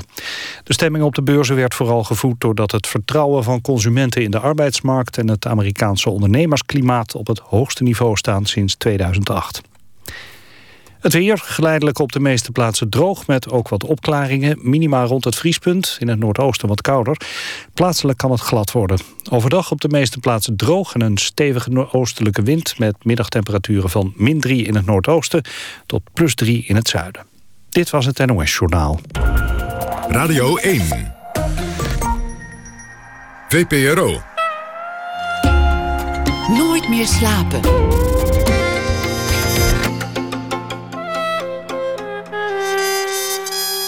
Met Pieter van der Wielen. Welkom terug bij Nooit meer slapen. Straks aandacht voor het grootste internationale theater-improvisatiefestival, Impro. We draaien muziek van Pete Seeger, boegbeeld van de protestbeweging en van de folkmuziek. Die is uh, gisteren overleden. En u hoort uh, tips om de nacht door te komen van journalist Gavi Keizer. Dat en nog veel meer. Maar we beginnen met uh, de literatuur. Want elke dag laten wij een schrijver of dichter kijken hoe de actualiteit inspiratie kan bieden. En vandaag is dat uh, Maartje Wortel. Van haar verscheen onlangs haar tweede roman IJstijd. Goeienacht, uh, Maartje. Hallo Pieter, goedenacht. Wat, uh, wat heeft jou bezig gehouden vandaag? ja, er stonden weer allerlei grote verhalen in de krant natuurlijk. Maar ik, ik merk dat ik me toch steeds richt op kleine, onbeduidende nieuwsrubriekjes. en ik heb nu een eigenlijk twee dingen samengevoegd. Eén uh, bericht uh, zag ik op uh, telegraaf.nl. Ik weet ook niet wat ik, wat ik daar precies deed, maar er was, is een man in Dort, als ik het goed begrepen die iedere dag 70 brieven naar de gemeente stuurt. en dat mag nu niet meer. Dat, dat is hem verboden, want ze werden er gek van. En het andere bericht stond in de Volkskrant. En uh, er stond dat uh, uh, burgers nu online in beroep kunnen gaan tegen verkeersboetes. Ehm, die dingen heb ik samengevoegd. ik dacht dat je altijd al in beroep kon gaan tegen verkeersboetes. Ja, maar, niet, niet online, dat was het. Het kan nu nog sneller. Dus dan, als je dan zegt van ja, laat maar zien dat ik te hard reed. laat maar eerst een foto zien. Dan, dan kan je dat nu online invullen en dan, dan krijg je die foto te zien. Ja, kan je dat uploaden. En dat, uh, dat maakt het voor iedereen sneller en dat uh, beroep wordt toch nooit gehonoreerd. Dus kan ook Nee. makkelijk online. Precies. Ja, nou, en daar heb ik een verhaaltje over. Zou ik dat eh, meteen gaan voorlezen? Ach ja, waarom ook niet? Ja, laten we dat doen. Al al moet ik zeggen dat die nachtelijke nieuwsberichten zijn ook fijn. Want die vliegtuigspotters, dat vond ik ook heel mooi. Dat had ik nog niet gehoord vandaag, maar goed. Eigenlijk, Eh, eigenlijk is de conclusie met Telegraaf.nl en nachtelijke nieuwsberichten... dat als de drempel wat lager ligt, het nieuws leuker wordt. Eh, eigenlijk wel, ja. Zo, dat is een goede conclusie. Eh, Het verhaal, eh, alsjeblieft. Ja, mijn verhaaltje heet eh, Mij kan je niet maken. Hallo meneer en of mevrouw. Jullie hebben mij verboden brieven te schrijven. Jullie zeggen dat ik jullie gek maak, maar volgens mij zijn jullie al gek. Alles wat ik doe is mij op mijn recht beroepen. Dat mag gewoon. We leven in een democratisch land. De mensen hoeven niet alles te pikken. Jullie denken dat jullie de baas zijn, maar ik ben even goed de baas. Ik pik niet alles. Jullie hoeven mij niet te behandelen alsof ik degene zou zijn die dom is. Er zijn heel veel mensen dom, maar ik niet. Ik ga de boete niet betalen. Het is mijn schuld niet geweest. Ik heb niets gedaan. Ik fietste gewoon en ik heb geen enkel licht gezien, laat staan een stoplicht. Ik fietste rechtdoor ter hoogte van de overtoom. Ik was de enige niet. De hele meute fietste gewoon door, richting het museumplein, naar huis, weet ik het waar naartoe. En er waren twee politievrouwen, meisjes nog eigenlijk. Ze zijn altijd met z'n tweeën, de lafaards. Een van de twee zegt, meneer, wilt u even stoppen? Ik wilde niet stoppen, dus ik rij een stukje door. Bovendien kunnen ze het tegen iedereen hebben. Ik ben de enige meneer niet die oversteekt. En die andere meid pikt het niet en ze rijdt me klem op haar politiemountainbike. Ze zegt, wist u dat u door rood bent gereden? Ik zeg nee, ik zeg dat ik het niet wist. Ze vragen waarom ik dat heb gedaan en ik zeg opnieuw dat ik geen idee heb. Ze zeggen dat ze er zijn voor mijn veiligheid en ze schrijven een bon uit. Ze spellen mijn naam verkeerd. Ik heb geen licht gezien. Ik rijd gewoon rechtdoor, net zoals al die anderen. Jullie kunnen geen verhaaltjes bedenken en de mensen zomaar laten betalen. Als jullie maar weten dat ik er niet aan meedoe. De boete staat feitelijk gezien niet eens op mijn naam. Ik betaal niet. Helemaal niets. Prettige dag verder. Ja, dat is de essentie van het schrijven van een, eh, van een beroep op je boete. Dat, je, dat het er maar lekker uit is en dat je goed je best erop hebt gedaan... en dat niemand het ooit volgens mij echt goed zal lezen. Nee, en dat ook iedereen eh, toch gaat proberen om de boete eh, in te laten trekken... terwijl de boete wel gewoon gegeven is omdat je echt door rood bent gereden... of omdat je echt iets verkeerd deed. Maar je kan ook, ook foto's uploaden. Het lijkt, me wel, het lijkt me wel heel leuk om op het politiebureau al die, al die mailtjes, eh, mailtjes te lezen. En vooral ook die foto's die dan opgeload kunnen worden. Ik vraag me namelijk echt af met wat de mensen dan aan zullen komen. Of er dan getuigen zijn weer met mobieltjes die laten zien dat je niet door rood bent gereden. En het wordt net als waar we het gisteren eigenlijk al over hadden... over dat je in Zweden kan zien of je bij criminelen in de straat eh, woont. Eh, hoe meer eh, inzicht je krijgt, volgens mij hoe, hoe vervelender het er allemaal op wordt. Nou, volgens mij gaat het hier om, om een wapenwetloop. Want, want mensen die in beroep gaan, die, die hopen stiekem het systeem te verlammen. Want, want anders is het voor de overheid gratis geld. Hè. Je zet een flitspaal neer of een, of een niet al te duur betaalde agent. En die genereert boetes. Die verdient zichzelf terug plus nog iets extra's. Ja. Dus je moet dat systeem als tegenpartij dan verlammen. Dat doe je door zoveel mogelijk bezwaarschriften te doen. En dan is de volgende stap voor de overheid om dat zo te stroomlijnen, dat proces, dat je, dat je het systeem er niet mee verlamd krijgt. Dat je gewoon 10.000 bezwaarschriften per uur kunt afhandelen. En, en op die manier is dat systeem niet meer te verlammen en verdient de overheid gewoon gratis geld. Ja. Ja, er verandert dus uiteindelijk niks. Nee, misschien dat iemand uiteindelijk op het idee komt om niet door rood te rijden. Dat zou kunnen. Ja. En uiteindelijk komt het in de staatskast terecht. Daar kun je, kan je voorzieningen van betalen. Je moet het eigenlijk gewoon zien als een soort belasting. Je moet je helemaal niet druk maken over boetes. Je moet gewoon denken van, nou ja, oh god, ja, god, ik betaal het maar en ik kijk er niet naar om. Ja, ik vind het ook heel opmerkelijk dat zoveel mensen zich daar druk om maken. Maar dat dus geeft ze weer een goede reden om een brief te schrijven. Ja, nou ja, als dat ze van de straat houdt. En het is alleen opmerkelijk dat zo'n man in Dordrecht de gemeente wel kan verlammen met, met zijn brievenschrijverij. Omdat de gemeente dan elke keer, dat gaat het over ander soort procedures, antwoord moet geven. Ja, ja, dat was, ik heb dat hele bericht, het was volgens mij in Dort, maar ik heb dat bericht verder niet eh, eh, goed gelezen. Maar het was ook een, het was een heel vreemd bericht van een paar zinnetjes en hij was een huisjesmelker. Dus ik weet niet wat voor, of hij gewoon ook los van dat hij, de, dat hij het systeem verlamde, dat het ook gewoon echt een gek was. Nee, maar volgens mij is het ook zo dat als, als de overheid te lang wacht met eh, bepaalde bezwaarschriften te beantwoorden, dat ze een schadevergoeding moeten betalen. Dus sommige mensen verdienen ook gewoon geld aan bezwaarschriften. Dan Oh, kan, je, kijk. kan je redelijk inkomen bij elkaar scharrelen. Dit, dit perspectief, Pieter. Dankjewel voor de, voor de tip. Ja, als je, als je boek niet zou lopen, hè, dan Ja. nu alle boekwinkels failliet zijn, dan, eh, dan kun je altijd nog bezwaarschriften gaan indienen. En je hebt zojuist laten zien dat je er Ik goed in bent. Ja, ik begin vannacht meteen. Goed, nou veel succes met het schrijven van bewaar- bezwaarschriften en eh, graag tot morgen. Maartje Wortel, dankjewel. Pieter. Doeg. U luistert naar eh, de VPRO Nooit meer slapen. Tijd voor muziek. Piet Seeger, hij is overleden. En u kunt ons op Twitter bereiken, VPRO NMS. Last train to Nuremberg, last train to Nuremberg, last train to Nuremberg, all on board. Do I see Lieutenant Calais? Do I see Captain Medina? Do I see General Coster and all his crew? Do I see President Nixon? Do I see both houses of Congress? Do I see the voters, me and you? Last train to Nuremberg, last train to Nuremberg, last train to Nuremberg, all on board. Last train to Nuremberg, last train to Nuremberg, last train to Nuremberg, all on board.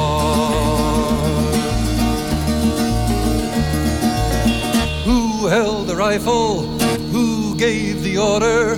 Who planned the campaign to lay waste the land?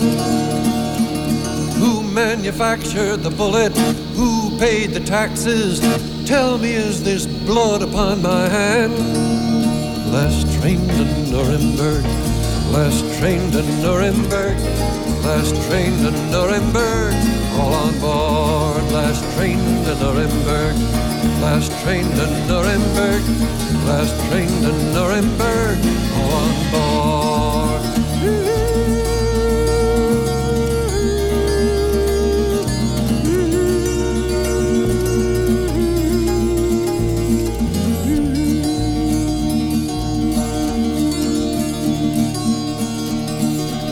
If 500,000 mothers went to Washington saying, Bring all our boys home without delay, would the man they came to see say he was too busy?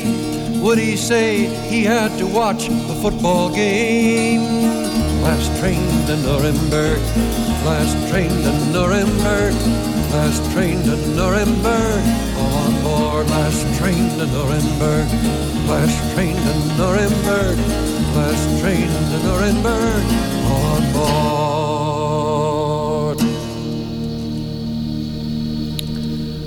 Pete Seeger, gisteren overleden op 94-jarige leeftijd. The Last Train to Nuremberg, dat was zijn anti-Vietnam lied. Hij was een boegbeeld van de protestbeweging in de jaren 50 en 60. Werd nog op het podium gehezen in onze tijd. Bij eh, Occupy bij- bijvoorbeeld, als eh, protestzanger.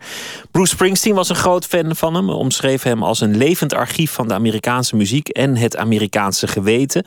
Een bewijs van de macht die liedjes hebben om geschiedenis een zetje te geven. Seeger heeft nog eh, samengespeeld met Woody Guthrie en hij maakte zich sterk voor vakbonden, burgerrechten en eh, natuurlijk voor wereldvrede. En een tijd lang mocht hij zelfs de VS niet meer inkomen als die persona non grata tijdens de heksenjacht op communisten in de jaren 50. Maar hij heeft het toch nog ver geschopt, want in 2009 mocht hij samen met Bruce Springsteen president Obama toezingen tijdens zijn uh, inauguratie. Straks nog meer muziek van Pete Seeger, maar eerst tijd voor de gewone kunst.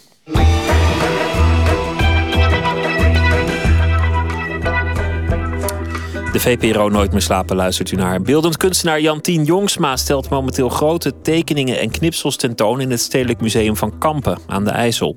Gijsbert van der Wal, onze verslaggever, ontmoette Jongsma al daar in het museum. Vier zalen.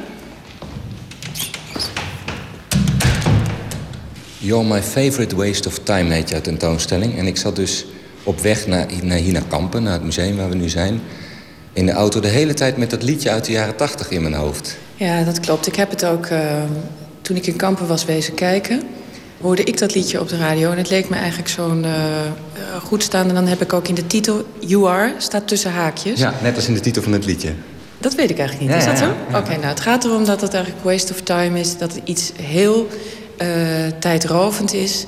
Terwijl het geen enkel serieus nut dient. Maar wel favorite. Ja, het is natuurlijk heerlijk om te doen. Dat liedje is ook echt de soundtrack van deze tentoonstelling. Daarom heeft het ook uh, deze titel gekregen. We moeten eens kijken of we er ook de soundtrack van deze reportage van kunnen maken. Of misschien moeten we dat onze luisteraars niet aandoen. Want het is natuurlijk toch een beetje oppervlakkig jaren tachtig liedje. En je krijgt het niet meer je hoofd uit als je het eenmaal gehoord nou, hebt. Dan zullen we het niet zingen. My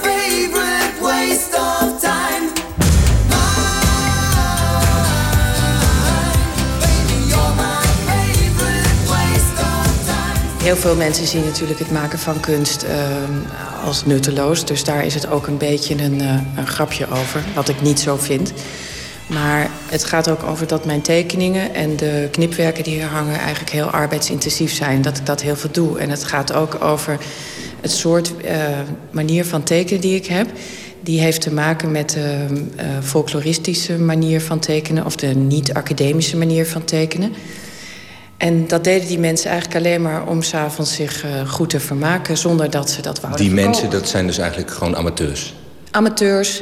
Ja. Um, sommigen natuurlijk wel weer heel vernuftige... maar inderdaad mensen die niet specifiek geschoold zijn uh, in het maken van kunst. Daar laat jij door inspireren? Ja, omdat het een um, ongedwongere, directere manier van uh, kunst maken is. Een niet zo elitaire, afstandelijke manier. Is natuurlijk ontzettend veel uh, moderne kunst... waar ik op zich helemaal niet op tegen ben... die um, juist niet het versierende, kleurige, decoratieve aspect uh, in zich heeft. Het decoratief is heel vaak een scheldwoord. Want ik zeg wel eens tegen de kunstenaar... ik vind het decoratief zo mooi. En dan zie je ze heel zuur kijken. Ja, nee, decoratief mag niet. En te verhalend of anekdotisch... Anekdotisch is ook een scheldwoord, dat, ja. Dat is ook een scheldwoord. Nou, dat zijn alle dingen die ik hoog in het vaandel heb. Ten eerste maak ik mijn eigen werk omdat ik heel graag het wil maken. Ik heb gewoon zin om dat te doen. Ik heb, stel me iets voor en ik ben gewoon benieuwd hoe het er dan uit gaat zien. Echt de maakdrift. En uh, dat zie je ook bij veel amateurs. En ze hebben een versierdrift. Ze versieren hun eigen spullen, hun eigen huis. Uh, ze doen het gewoon om zich niet te vervelen. Het is een hobby. Om de tijd wel op een, uh, op een aardige manier door te brengen. Iets anders dan alleen maar voor de tv te hangen. Ja, oké. Okay, dus da- vandaar favorite waste of time. Ja, dat moet het zijn. You're my favorite waste of time. In de afgelopen jaren maakte Jantien Jongsma een soort plattegronden van periodes uit haar eigen leven. Grote, volle tekeningen waaraan ze vele weken werkte. Ze hebben, ze zei het zelf al, iets naïefs, iets decoratiefs en vrolijks. Er zitten zowel abstracte als figuratieve, verhalende stukken in. En teksten, ze verwerkt er ook vaak woorden in. Alles is toegestaan in die tekeningen, dat is het leuke. Je ziet er Jongsma's tekenplezier aan af... en je hoeft dus niet per se van haar biografie op de hoogte te zijn... om het werk te kunnen appreciëren. Mijn leven is eigenlijk ook niet zo uniek... want iedereen kan eigenlijk zo'n soort leven wel volgen. Eigenlijk leef ik het leven van een borduurpatroon... waar altijd uh, mannetje en vrouwtje naast elkaar zijn... en waar daaronder dan een tafel en een bed wordt gedeeld... en uh, daaronder weer het huisje met het kerkje ernaast. Het borduurpatroon van Jantien Jongsma. Ze werd op het Friese platteland geboren, bracht haar tienerjaren in Alkmaar door en verhuisde daarna naar Amsterdam. Midden jaren 80, toen You're My Favorite Waste of Time een hit was, zat ze op de Academie voor Beeldende Vorming en op de Rietveld Academie. En aan die studententijd in Amsterdam heeft ze zo'n plattegrondachtige tekening gewijd. Onderin eh, zie je nog een huisje dat heet eh, bij Moeders Pappot. Daar woon ik nog thuis. Maar het was eh, tijd om naar de middelbare school naar Amsterdam te gaan. In een aanhanger gooide ik eh, wat spulletjes die ik had verzameld. En eh, mijn vader bracht me naar een studentenhuis in eh, Amsterdam... waar ik een kamertje inrichtte. En door de poort rijd ik naar binnen. En Amsterdam heb ik een beetje nu... Dat is, dat is het enige planmatig in die tekening... is dat er wel een soort cirkelvorm in zit. En de rest van de tekening moet je je voorstellen dat ik werk op een soort gekleurde waterige ondergrond. En als die droog is, brei ik zeg maar de tekening een beetje aan elkaar. Ik heb dus wel een soort beeld ehm, in mijn hoofd wat het moet gaan worden. Maar ik, ik rijg zeg maar per huisje, per straatje, per klein onderwerpje de tekening aan elkaar als een handwerkje. En uiteindelijk door die veelheid denk ik wel dat als mensen er... Je kan in die tekening gaan. Door de poort kan je naar binnen gaan en kan je me een Er beetje staat ook letterlijk een poort, hè? Dus er is een poort naar de stad Amsterdam die een cirkelvorm heeft. Ja. En ook echt een platte cirkel is in de, in de tekening. Ja, en je kan het ook een beetje. Je kan natuurlijk wel een beetje zien dat dat cirkelvormig en dat er grachten zijn en huizen. En als je heel goed kijkt, zie je ook dat die mensen. Heel veel mensen die ik niet ken, zoals een stad is. Mensen aan het werk zijn, mensen aan het winkelen zijn. ehm, mensen aan het rondwandelen zijn. En daartussen beweeg ik me dan. Maar dat is voor de toeschouwer niet meer waarneembaar waar ik ben. Of ik ga gewoon op in de grote stad. En dat is dus inderdaad precies hoe het eh, ging in je leven. Zo ging het in mijn leven. Bedoel- Ja. Het is ook een eindpunt van een serie van allemaal die begon in, eh, met een tekening Harlingen en die eindigt in eh, Amsterdam.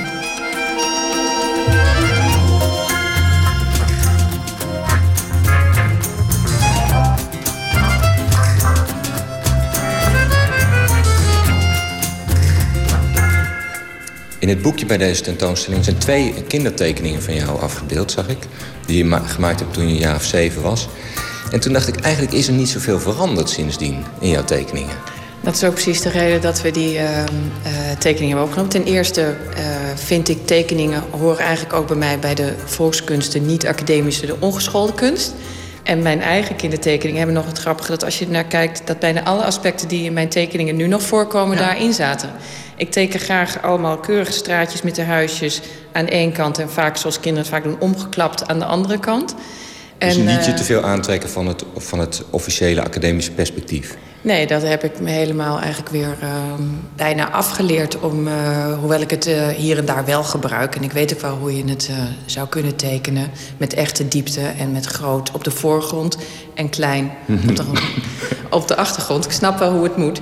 Maar je kan soms door groot en klein af te wisselen ook... en dat is wat kinderen ook vaak doen... belangrijk en onbelangrijk afwisselen. Hè, en dat de- zie je ook veel in de in primitievere kunst. Hè? Dat de, de, de koning groter is afgebeeld dan zijn onderdanen. Dat is precies waar ik op doe. En op die kindertekening, één eh, tekening in het boek is ook dat je het interieur van het huisje ook van buitenaf kan zien. En dat is iets wat ik ook heel graag toepas. Dat ehm, je ziet de straat met allemaal huizen en achter, in, achter alle ramen eh, heeft iedereen weer zijn eigen verhaal. En dat gebeurt eigenlijk allemaal tegelijkertijd. En dat is eigenlijk hoe ik tot die enorm volle, tenminste dat zeggen sommige mensen, het is een beetje vol die tekening. Maar eh, zo ervaar ik ook dat als ik uit mijn eigen huis stap en ik sta op straat, dan ervaar ik ook die complete volheid en die tegelijkertijd van alles wat gebeurt.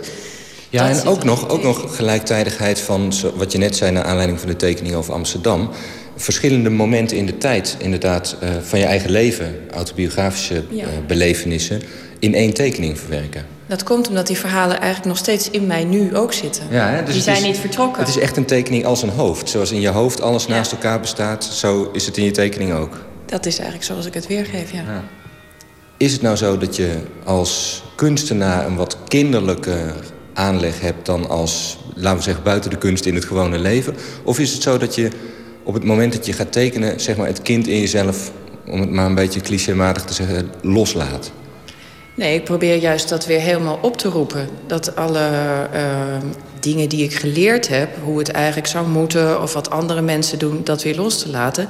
En ik probeer juist weer op te roepen van... hoe kan je dat nou eigenlijk heel direct vertalen. Wat je nu denkt, of welk verhaal je nu in je hoofd hebt... hoe kan je dat nu meteen eh, in een beeld omzetten? En dan kom ik op deze manier van tekenen. Maar ik probeer het bewust toe te passen. Dat is het niet kinderen aan. Een kind kan het niet anders doen. En ik maak een keuze daarvoor. Ik heb de tentoonstelling zo ingericht dat het heeft eh, knipsels voor de ramen en tekeningen aan de muren. En knipsels noem ik het, maar ik snij ze met een mesje. En ze zijn anderhalve meter bijna bij 3,5 meter hoog. Keer hoeveel? Negen ramen. Ja. Dus negen van die enorme knipsels gemaakt voor deze tentoonstelling. Ja, en, ehm, en ik heb ze losjes gebaseerd op tekeningen die ik al heb.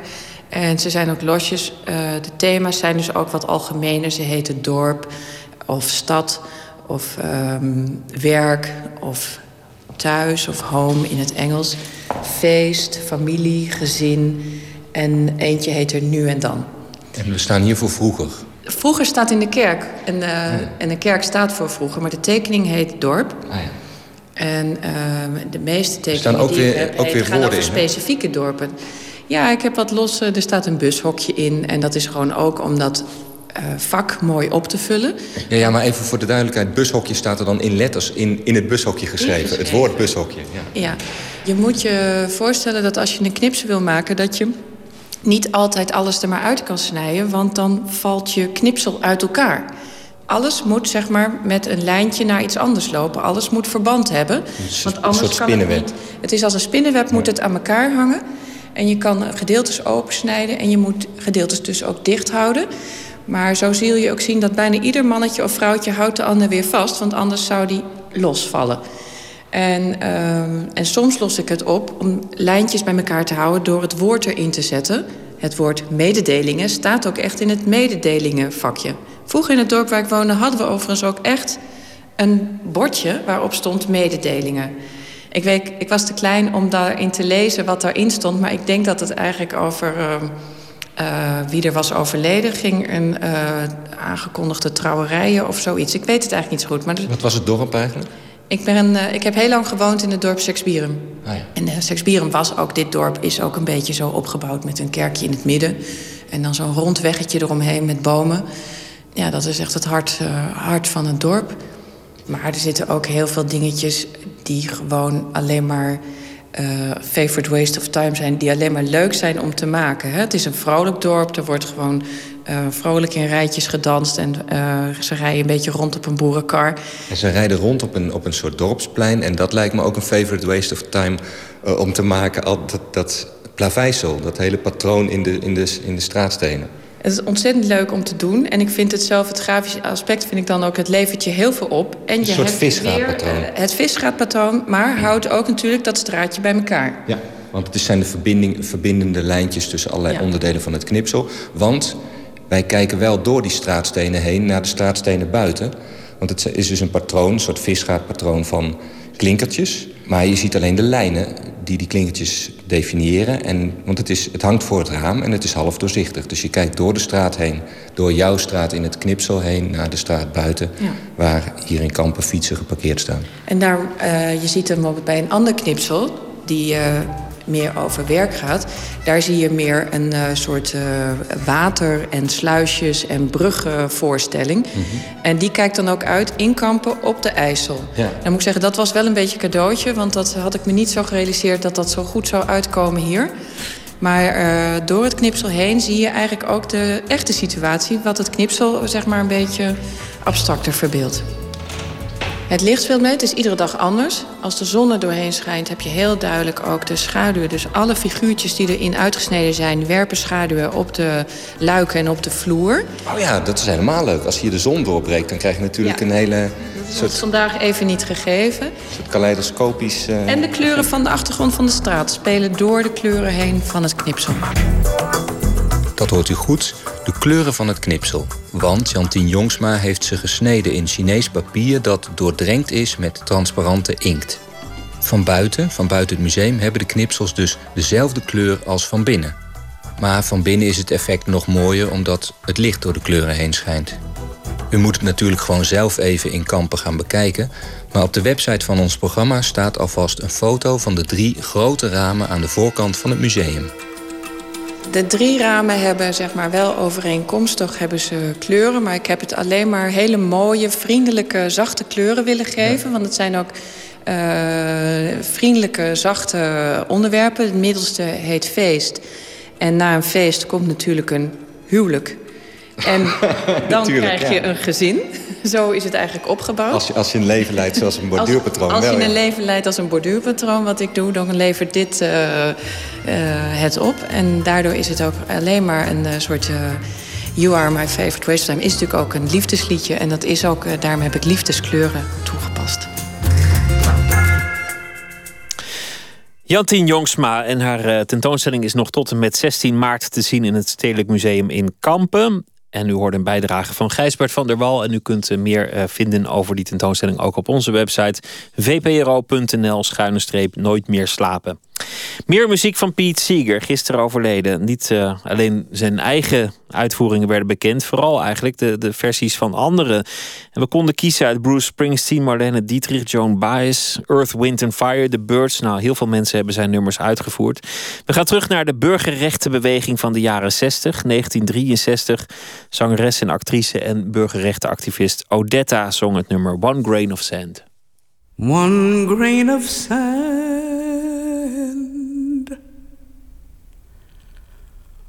One grain of sand in all the world. One grain of sand.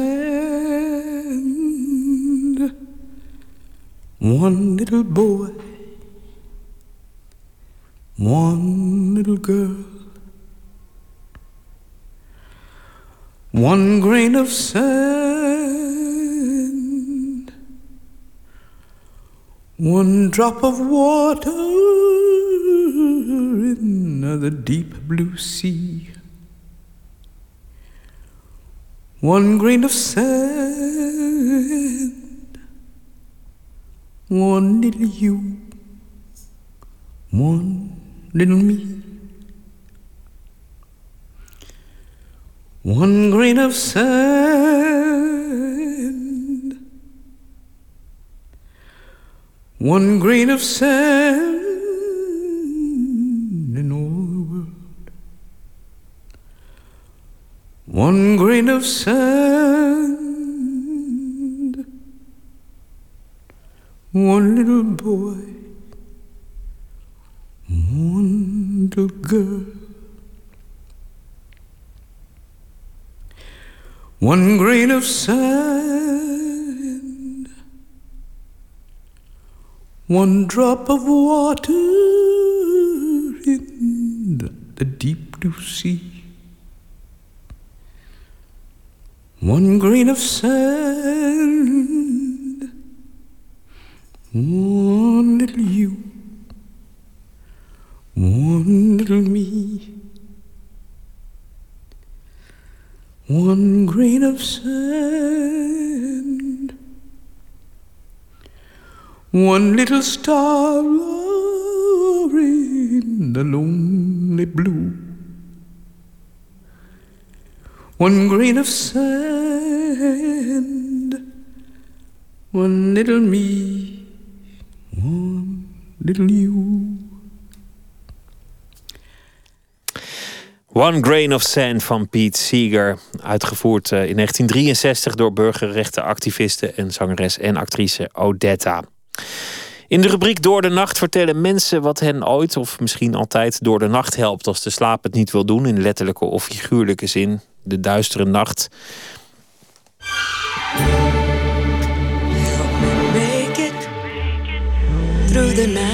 En hoe die te overleven. Vannacht hoort u dat van journalist Gabi Keizer. Film is, is eh, voor mij vaak iets om mij de nacht doorheen te helpen. Omdat je toch iets terugziet van de wereld, van je eigen leven, van je eigen problemen. En in dit verband moest ik eh, meteen terugdenken aan toen ik pas in Nederland was. Ik kwam eh, ehm, ongeveer twintig jaar geleden naar Zuid-Afrika. En eh, ik belandde in Amsterdam. En ik was er eh, nou, totaal eh, vreemd en eenzaam natuurlijk. Maar ik zag ook een wereld om mij heen die eigenlijk tamelijk saai was. Ik kwam net uit Johannesburg, een bruisende samenleving vol problemen, maar wel ontzettend avontuurlijk. En ehm, eh, ik vond het een heel erg, nou, een klein beetje saaier in Amsterdam. Toen ging ik naar mijn buurtbioscoop, de Rialto. En er draaide die avond een film van een Hongkongse regisseur... waar ik nog nooit van heb gehoord op dat moment. Eh, ehm, en de titel was Chungking Express. En de regisseur was Wong Kar-wai. Inmiddels is ehm, eh, zowel film als regisseur enorm beroemd geworden. Maar ik zag daar iets dat ik eigenlijk nog nooit in mijn leven heb gezien. eh, had, gezien. En iets dat zo de tegenovergestelde was van die saaie, kleurloze, grijze Nederlandse samenleving waar ik terecht ben gekomen. Dat ik opeens meer weer zin had in het leven.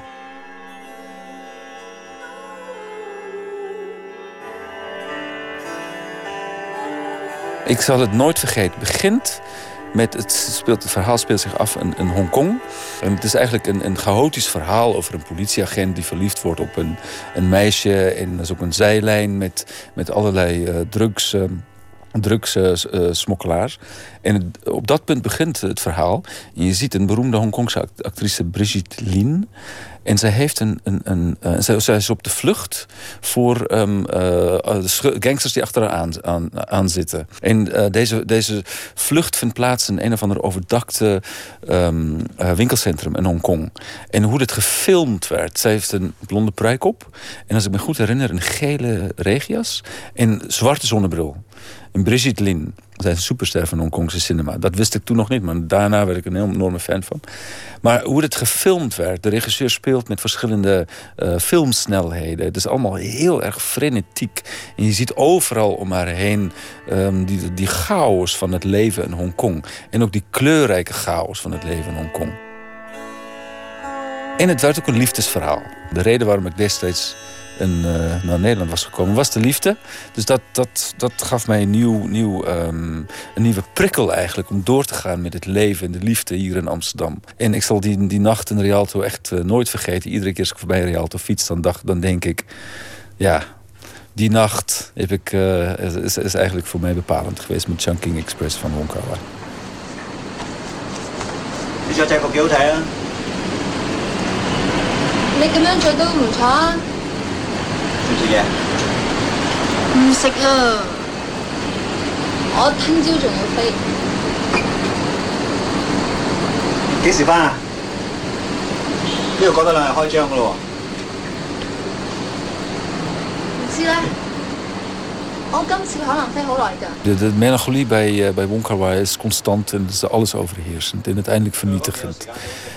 Maar zelfs dat, ehm, maar dat kan ook niet anders, want dat is de essentie van de melancholie.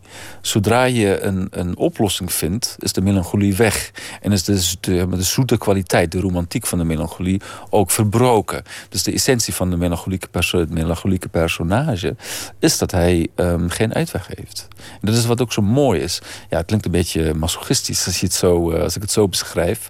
Maar dat is, ehm, de melancholie bij Wong Kar-wai heeft iets, bijna iets geruststellends Het is, het is toch ellendig. En, en ehm, eh, als je maar blijft hunkeren, dat hunkeren is eigenlijk het doel op zich.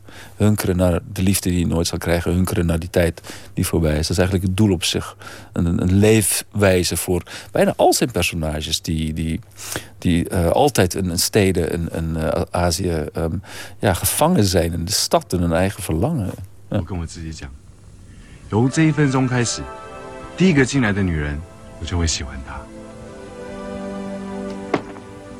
小姐，要啲咩饮啊？ Whisky 啦，唔该。 Ehm, dat idee van, van de zoete melancholie, de constante zoete melancholie, blijkt het mooist in de scène waarin een van de personages, een jonge vrouw, ehm, die heimelijk verliefd is op een politieagent, naar zijn appartement eh, eh, gaat en, zich, ehm, en, en naar binnen gaat zonder dat hij dat weet. En zonder dat hij überhaupt weet dat zij v- verliefd is op hem. Ehm, en zij creëert daar een klein leventje voor zichzelf. Ze begint zelf het appartement schoon te maken. Ze doet zijn kleren aan. ehm, en ze gaat in zijn bed liggen slapen.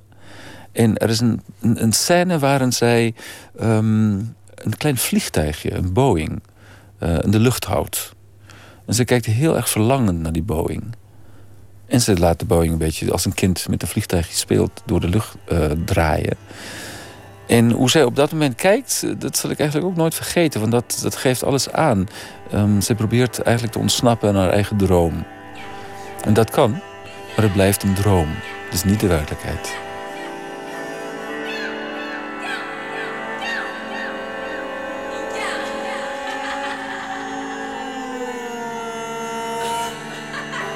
Inmiddels ken ik Nederland ook wel beter hoor. Ehm, en inmiddels ook wel gebleken dat er heel veel interessante aspecten aan, eh, aan dit land is. Dus ehm, als je mij nu zou vragen waar, waar wil wonen, hier of in Johannesburg of in Hongkong, dan zal ik absoluut niet hier zeggen. Dus ehm, eh, in, die, in, in die zin eh, blijft dat een, ja, toch altijd aanwezig. Maar dat, dat, ik zei dat net al, dat moet zo zijn volgens mij.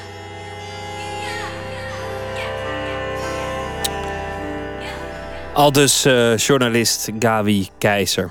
We draaien eh, in het tweede uur vandaag eh, nummers van Pete Seeger, omdat hij overleden is. En nu eentje wederom door iemand anders dan hemzelf uitgevoerd. Namelijk door Annie DiFranco, ook al zo'n strijdbare zangeres. En die heeft heel veel liedjes van Pete Seeger gecoverd. En deze gaan we draaien. My name was Liza Calvage.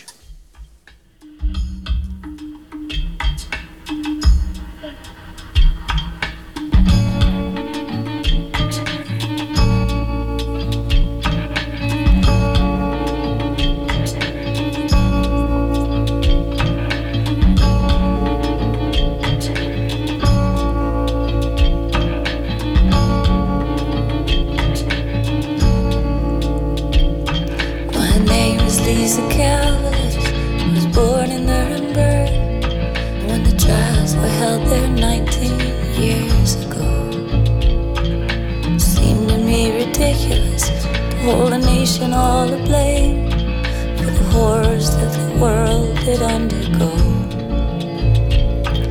Short while later, when I applied to be a GI bride, an American consular official questioned me. He refused my exit permit, said my answer did not show that I'd learned my lesson about responsibility. Suddenly I was forced to start thinking on this thing. And later, when I was permitted to emigrate, I must have been asked a hundred times where I was, what I did in those years. Hitler ruled our state. They said I was a child, at most a teenager, but that only continued to question it. They'd ask where were my parents, my father, my mother, and to this I could not answer a thing. The seed planted there, Nuremberg 47 started to sprout and grow.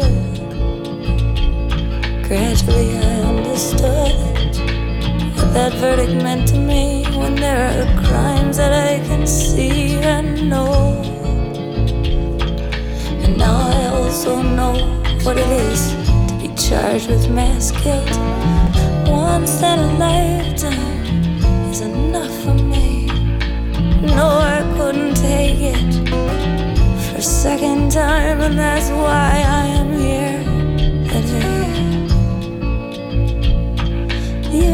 of May 25th, day of our protest, put a small balance weight on the other side. Hopefully, someday, my contribution to peace will help just a bit to turn the tide. Perhaps I can tell my children six later on their own children. But at least in the future, they need not be silent when they're asked, Where was your mother?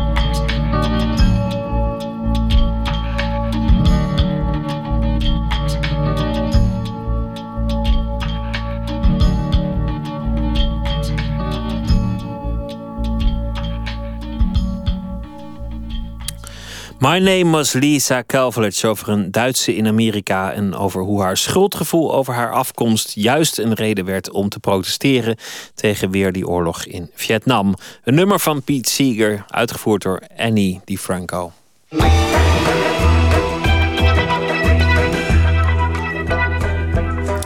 U luistert naar de VPRO op Radio 1, het programma Nooit meer slapen. Bij improvisatietheater denken veel mensen aan stand-up comedy of theatersport of televisieprogramma's als De Vloer op. Maar er is meer. In de hoofdstad start vandaag Impro Amsterdam. En dat is het grootste internationale improvisatietheaterfestival van Nederland. Het grootste internationale festival van Nederland. En de beste impro-acteurs uit de hele wereld... die treden een week lang op in Amsterdam. Onze verslaggever Botte Jellema was vanavond aanwezig bij de opening.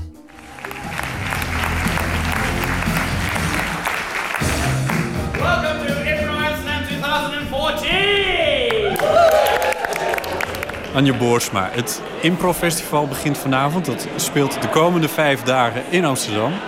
Ik ontmoet je nu in de foyer van het Compagnietheater in Amsterdam. Want hier gebeurde zojuist het afgelopen uur de eerste, ja, was het de eerste voorstelling, de opening in ieder geval. Ja. En eh, wat leuk was, was dat bij, de, bij het begin even gevraagd werd wie er nou uit Nederland kwam. Nou, dat was wel een substantieel deel van het publiek. Maar hoeveel mensen komen er niet uit het buitenland? Ja? Steeds meer. Dat vinden we echt heel erg leuk om te zien. Dat eh, Impro Amsterdam echt een soort van niet alleen nationale functie in ja, improvisatie, theater brengen krijgt, maar ook internationaal. Ja. Eh, sowieso, de improvisatiewereld is mondiaal heel groot. En er zijn allerlei verschillende initiatieven, culturen, stijlen over de hele wereld. En dat brengen we hier samen. En dus het is heel erg leuk om te zien dat de laatste paar jaar steeds meer mensen uit Europa, maar ook echt van daarbuiten naar Nederland. Australië geloof ik. Dat, eh, maar mensen- Soms zijn er natuurlijk ook gewoon mensen die toevallig al in de stad waren. Ook veel expats. maar we hebben zeker ook eh, bijvoorbeeld Brazilianen. Die waren er vorig jaar. En eh, die komen dan het jaar daarna terug. Hebben ze één keer in de cast gezeten. Dan vonden ze het zo leuk. Komen ze het jaar daarna in het publiek. If you're from Asia, stand up now.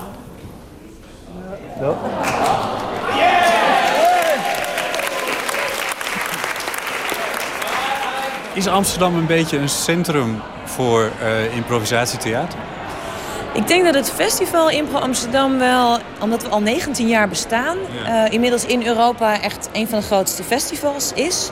En daarmee dus wel heel belangrijk. Maar de eerlijkheid gebiedt me te zeggen dat eh, Noord-Amerika echt de grote voorloper is op het Hmm. gebied van improvisatie. Dus Canada en, en Amerika, ja, daar komt wel het neusje van de zalm vandaan. Uh, just for the first scene, we need a, a suggestion of a location. End, of end of rainbow. Eh, eerst even, wat is het? Wat is improvisatietheater? Ehm, wat, wat van de televisie misschien wel bekend is, zijn eh, twee grote programma's heb, heb je gehad. Daar heb je De Vloer op, dat loopt nog steeds. En De Lama's, dat was ook zo'n eh, programma. Als ik daar nou aan denk, heb ik dan het juiste te pakken als naar een improvisatietheater denk? Een beetje wel, maar wat je al ziet met die twee programma's is dat ze al heel erg verschillend zijn. Hè? De Ja. vloer op is, is veel meer om het echte acteren, mooie dilemma's, geloofwaardig spel. En de Lama's, dat was veel meer ja, een soort comedy, bijna stand-up-achtig eh, eh, eh, programma. Dat zat ook in de casting al, hè? want bij de vloer op dan heb je de, de, of de grote, ja, wel de grote acteurs, Ja. Amsterdam, het Nationale Toneel, verschillende toneelgroepen die daar acteurs aan leveren. En bij de Lama's had je cabaretiers.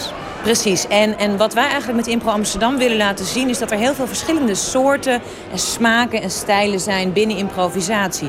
En de algemene noemer is eigenlijk dat we zonder script het toneel opgaan.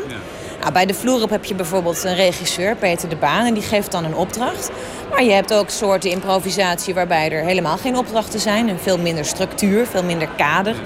Je hebt ook improvisatie waarbij ze eh, een bestaande stijl van een bekende schrijver, zoals bijvoorbeeld Shakespeare of Chekhov of zo, gebruiken als inspiratie en vervolgens in die stijl improviseren. Dus eigenlijk is het heel moeilijk om te zeggen, ja, het is de lama's of het is de vloer op, want het is heel veel meer. Nou heeft eh, eh, Peter de Baan bij de vloer op inderdaad echt even een verhaal. Dit is, de- dit, is, dit is wat jij bent, daar is waar je bent en dit is de ontwikkeling. En vanaf daar moet je je maar redden. Eh, hier zag ik eh, dat het in die zin meer op de lama's leek dat er een voorwerp, een locatie van het publiek werd gevraagd. En daar moet je dan vervolgens mee aan de slag. Dus zit het in die zin dichter tegen de lama's aan? Misschien zat deze show die jij nu gezien hebt dichter tegen de lama's aan. Opening even. Precies in de opening vinden wij het leuk om even wat, met wat ja, eh, eh, eh, luchtige, lichtvoetige energie te starten. Iedereen even lekker wakker te maken. En daarom deden we nu wat wij noemen short form. Korte vorm, korte losstaande sketches. Maar wat we verderop in de week ook gaan doen, dat heet dan long form, is dat gewoon zoals de Oostenrijkers, die gaan gewoon één langer verhaal vertellen. En dan krijgen ze helemaal geen eh, regieopdracht mee, dan is het gewoon, eh, gewoon gaan. Oostenrijkers, dat is wel leuk om even over te vertellen. Er zijn eh, een, een stuk of vijf groepen hier nu. Mexico, Verenigde Staten, Oostenrijk, Ierland en Nederland. De Oostenrijkers zijn met z'n tweeën. Ja. En die kregen hier, even denken, wat hadden ze als opdracht? Ehm, ze moesten een episch verhaal eh, vertellen. Dat was de opdracht die ze kregen. En van het publiek werd, eh, werd een voorwerp, wat was het ook weer, werd er gevraagd. In ieder geval, er kwam een kast uit. Ja, Dat een, eh, inderdaad. Ze moesten een voorwerp wat al meerdere generaties in de familie kon zijn. Dat was de Oh, suggestie van het publiek en dat werd een kast. Ja, ja. En hun opdracht was om in vijf minuten een soort speelfilm te maken. My grandpa told me stories of King Hanger. I thought they were just stories. They are all true. Come with me, Steve of the Closet. I shall introduce you to the re- resistance. Dat is zo'n typische short form, korte vorm. Ja, en het grappige is, deze jongens die zijn supergoed. Eh die kunnen daar dus ook gerust 45 minuten over doen. En dan alle rollen spelen, alle ins en outs, prachtige plotwendingen. En dan heb je gewoon eigenlijk een bijna avondvullende voorstelling. Kun je vertellen wat hier gebeurde? Ehm, het, grappige is, eh, deze twee jongens die, ze komen uit Oostenrijk, maar eigenlijk de een is een Canadees en de ander is een Amerikaan. Alleen ze wonen al meer dan tien jaar in Oostenrijk. En waar we het net hadden over dat het neusje van de zalm in die impro uit Amerika komt. Nou, deze twee jongens zijn toch wel dat neusje van de zalm. Eh, Zo'n opdracht kan je niet aan elk team geven. Eh, het is ontzettend moeilijk om een, een rond verhaal met begin, midden, eind, met, met hoofdrollen, bijrollen, met, met comedy en drama achter elkaar door te improviseren. En dan deden zij het ook nog eens in vijf minuten. Ja, je merkte aan de zaal al, die, eh, die ging uit zijn dak na afloop, want het is ontzettend knap wat ze doen. Ze zochten wel naar de humor, maar niet uitsluitend. En dat vind ik zo knap aan hen. Dat als je puur op de lach gaat spelen, dan gaat dat heel vaak ten koste van het verhaal. En ik vind zelf dat het gaat vervelen. En als ik zelf improviseer, dan probeer ik ook altijd een beetje een mengeling te maken tussen gewoon een, een verhaal wat wel ergens over gaat. Maar waar ook genoeg te lachen in valt. En, eh, eh, een van mijn grote voorbeelden uit eh, Canada zegt altijd... The, the funny is in the truth. Dus als jij waarachtige dingen neerzet... dan zit daar al genoeg humor in. Ja. In plaats van als je heel erg gaat zoeken naar de grap. Ja, ja, ja. Zij, zij, wat, ik, wat ik er zelf echt waanzinnig knap af vond, was dit waar we het net over hebben. Dus de, de, de lach en het echte verhaal. Maar de ongelofelijke snelheid waarmee het gebeurt. Ja, en het gaat ze ook zo makkelijk af. Dat vind ik zelf heel mooi om naar te kijken. En ook bewonderenswaardig. Dat lukt mij, ik speel 14 jaar, maar dat lukt mij nog lang niet altijd.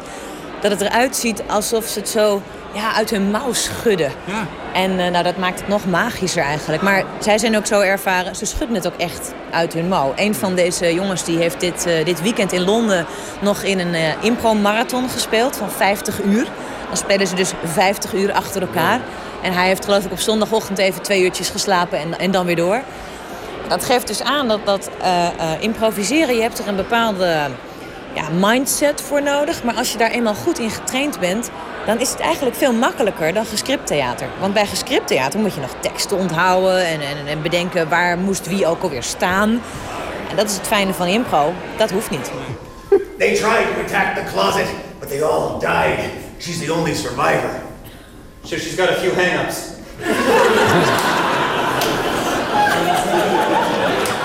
Wat is die mindset? Ehm, er zijn een aantal dingen die je als improacteur echt moet trainen. En dat gaat natuurlijk over, over samenspel en heel erg over openstaan voor het idee van de ander. En als jij met zes mensen op het toneel staat en iedereen heeft zijn eigen idee en niemand luistert meer naar elkaar, dan wordt het niks. Dus echt, wij noemen dat de ja en. Je komt met een idee en de ander bouwt daarop voort. En weer een ander bouwt daar weer op voort. Ja, en, ja, en, ja, en. In plaats van ja maar. Precies, Ah, absoluut. Ja, Dat, is, eh, dat is natuurlijk heel mooi. Geen bezwaren inbrengen, maar nieuwe stappen inbrengen. Precies, dus als ik zeg tegen jou van uh, goedemorgen bakker, dan ben jij dus een bakker. En dan Ja. kan jij wel zeggen, "Ah, ik ben geen bakker. Maar ja, dan, dan is onze scène meteen afgelopen. En dan heb ik toch een beetje een, ja, een beetje rotgevoel eigenlijk over het samenspel. Dus die, ja, die mentaliteit van meegaan met het idee van de ander, die is heel belangrijk. Een andere mentaliteit is eh, fouten durven maken. Dus gewoon, ehm, ja, je weet van tevoren niet wat je gaat doen. Dus het kan fout gaan. En dat is ook de charme van improvisatie. En het publiek weet het ook. Die ziet af en toe een scène even bijna langs de, ja, langs de rand van de afgrond scheren. En dan doet een van die acteurs een, een geniale ingreep. En dan zie je zo, oeh, ze hebben het net weer gered. Dat is leuk, hè? want dat gebeurt inderdaad een paar keer. En dan merk je dat dat hele publiek dat dan ook in de gaten heeft. Van, oh wacht, we gingen inderdaad even nergens naartoe en je hebt het gered. Ja, en dit publiek, eh, daar zitten natuurlijk ook een deel impro'ers in. Improvisatoren die dat zelf bijvoorbeeld als amateur, als hobby Ja, beoefenen. Die herkennen dat ook. Ja. Maar ik geloof ook wel dat het... Dat voel je wel. Ja, precies. Ook als je er zelf niet eh, mee bezig bent. Je zei, eh, de, de, de Noord-Amerikanen zijn hier vreselijk goed in. Waar komt dat door? Goeie vraag. Ehm, wat ik zie als verschil met, eh, tussen Amerika en Europa... is dat in Amerika de meeste mensen al improvisatie speelden... terwijl ze nog op high school zitten. Dan hebben ze gewoon dramales en daar zit al improvisatie in.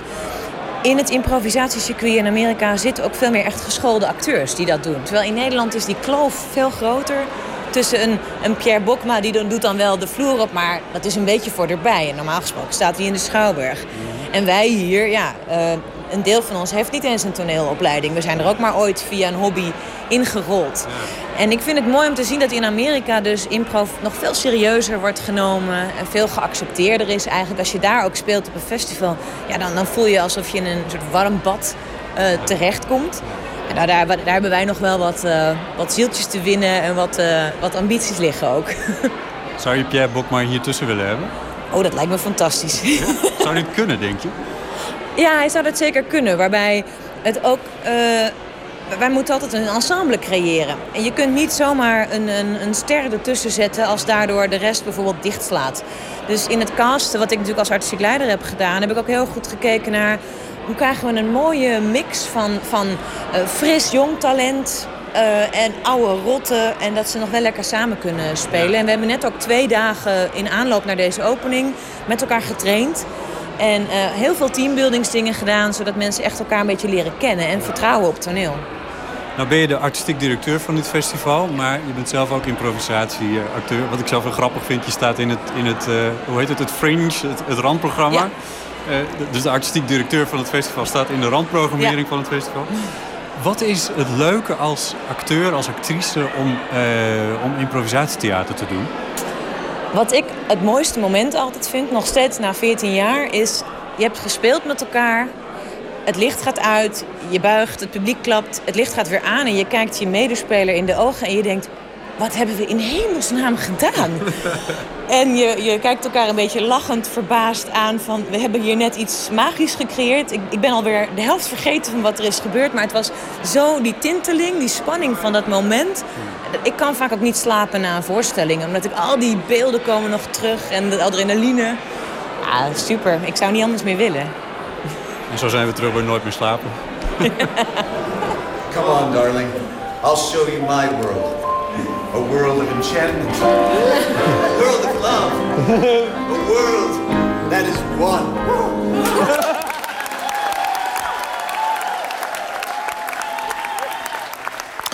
U hoorde verslaggever Botte Jellema bij de opening van Impro Amsterdam. En daar sprak hij met Anja Boorsma, directeur Improvisatietheaterfestival en zelf ook improviserend artiest. En daarmee zijn we aan het einde gekomen van deze aflevering van Nooit meer slapen. U kunt ons bereiken via het e-mailadres nooitmeerslapen@vpro.nl. En we hebben ook een eh, website vpro.nl schuine nooit meer slapen alles aan elkaar. En we zitten op Twitter @vpro_nms. Morgen is er weer een eh, Nooit meer slapen na middernacht. Dan komt beeldend kunstenaar Joep van Lieshout langs. Van hem verschijnt namelijk een nieuw boek, New Tribal Labyrinth. En daarin geeft hij een overzicht van de kunstwerken die hij sinds 2010 heeft vervaardigd. En hij wil praten over overconsumptie en de uitputting van grondstoffen. En we doen verslag van de uitreiking van de VSB Poëzieprijs 2014. De winnaar wordt morgen in Rotterdam bekendgemaakt. En we gaan praten met de Vlaamse filmmaker Giet Tek... die voor zijn documentaire Feel My Love... een jaar lang dementerende ouderen heeft gevolgd. Dat dus allemaal morgenavond in het programma Nooit meer slapen. Straks op deze zender Radio 1 gaat Wakker Nederland eh, verder...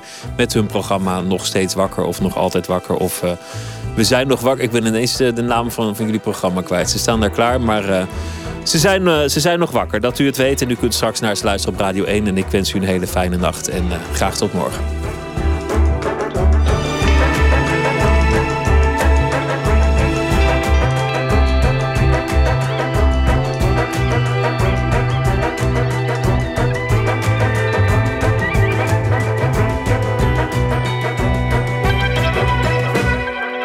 Radio 1, het nieuws van alle kanten.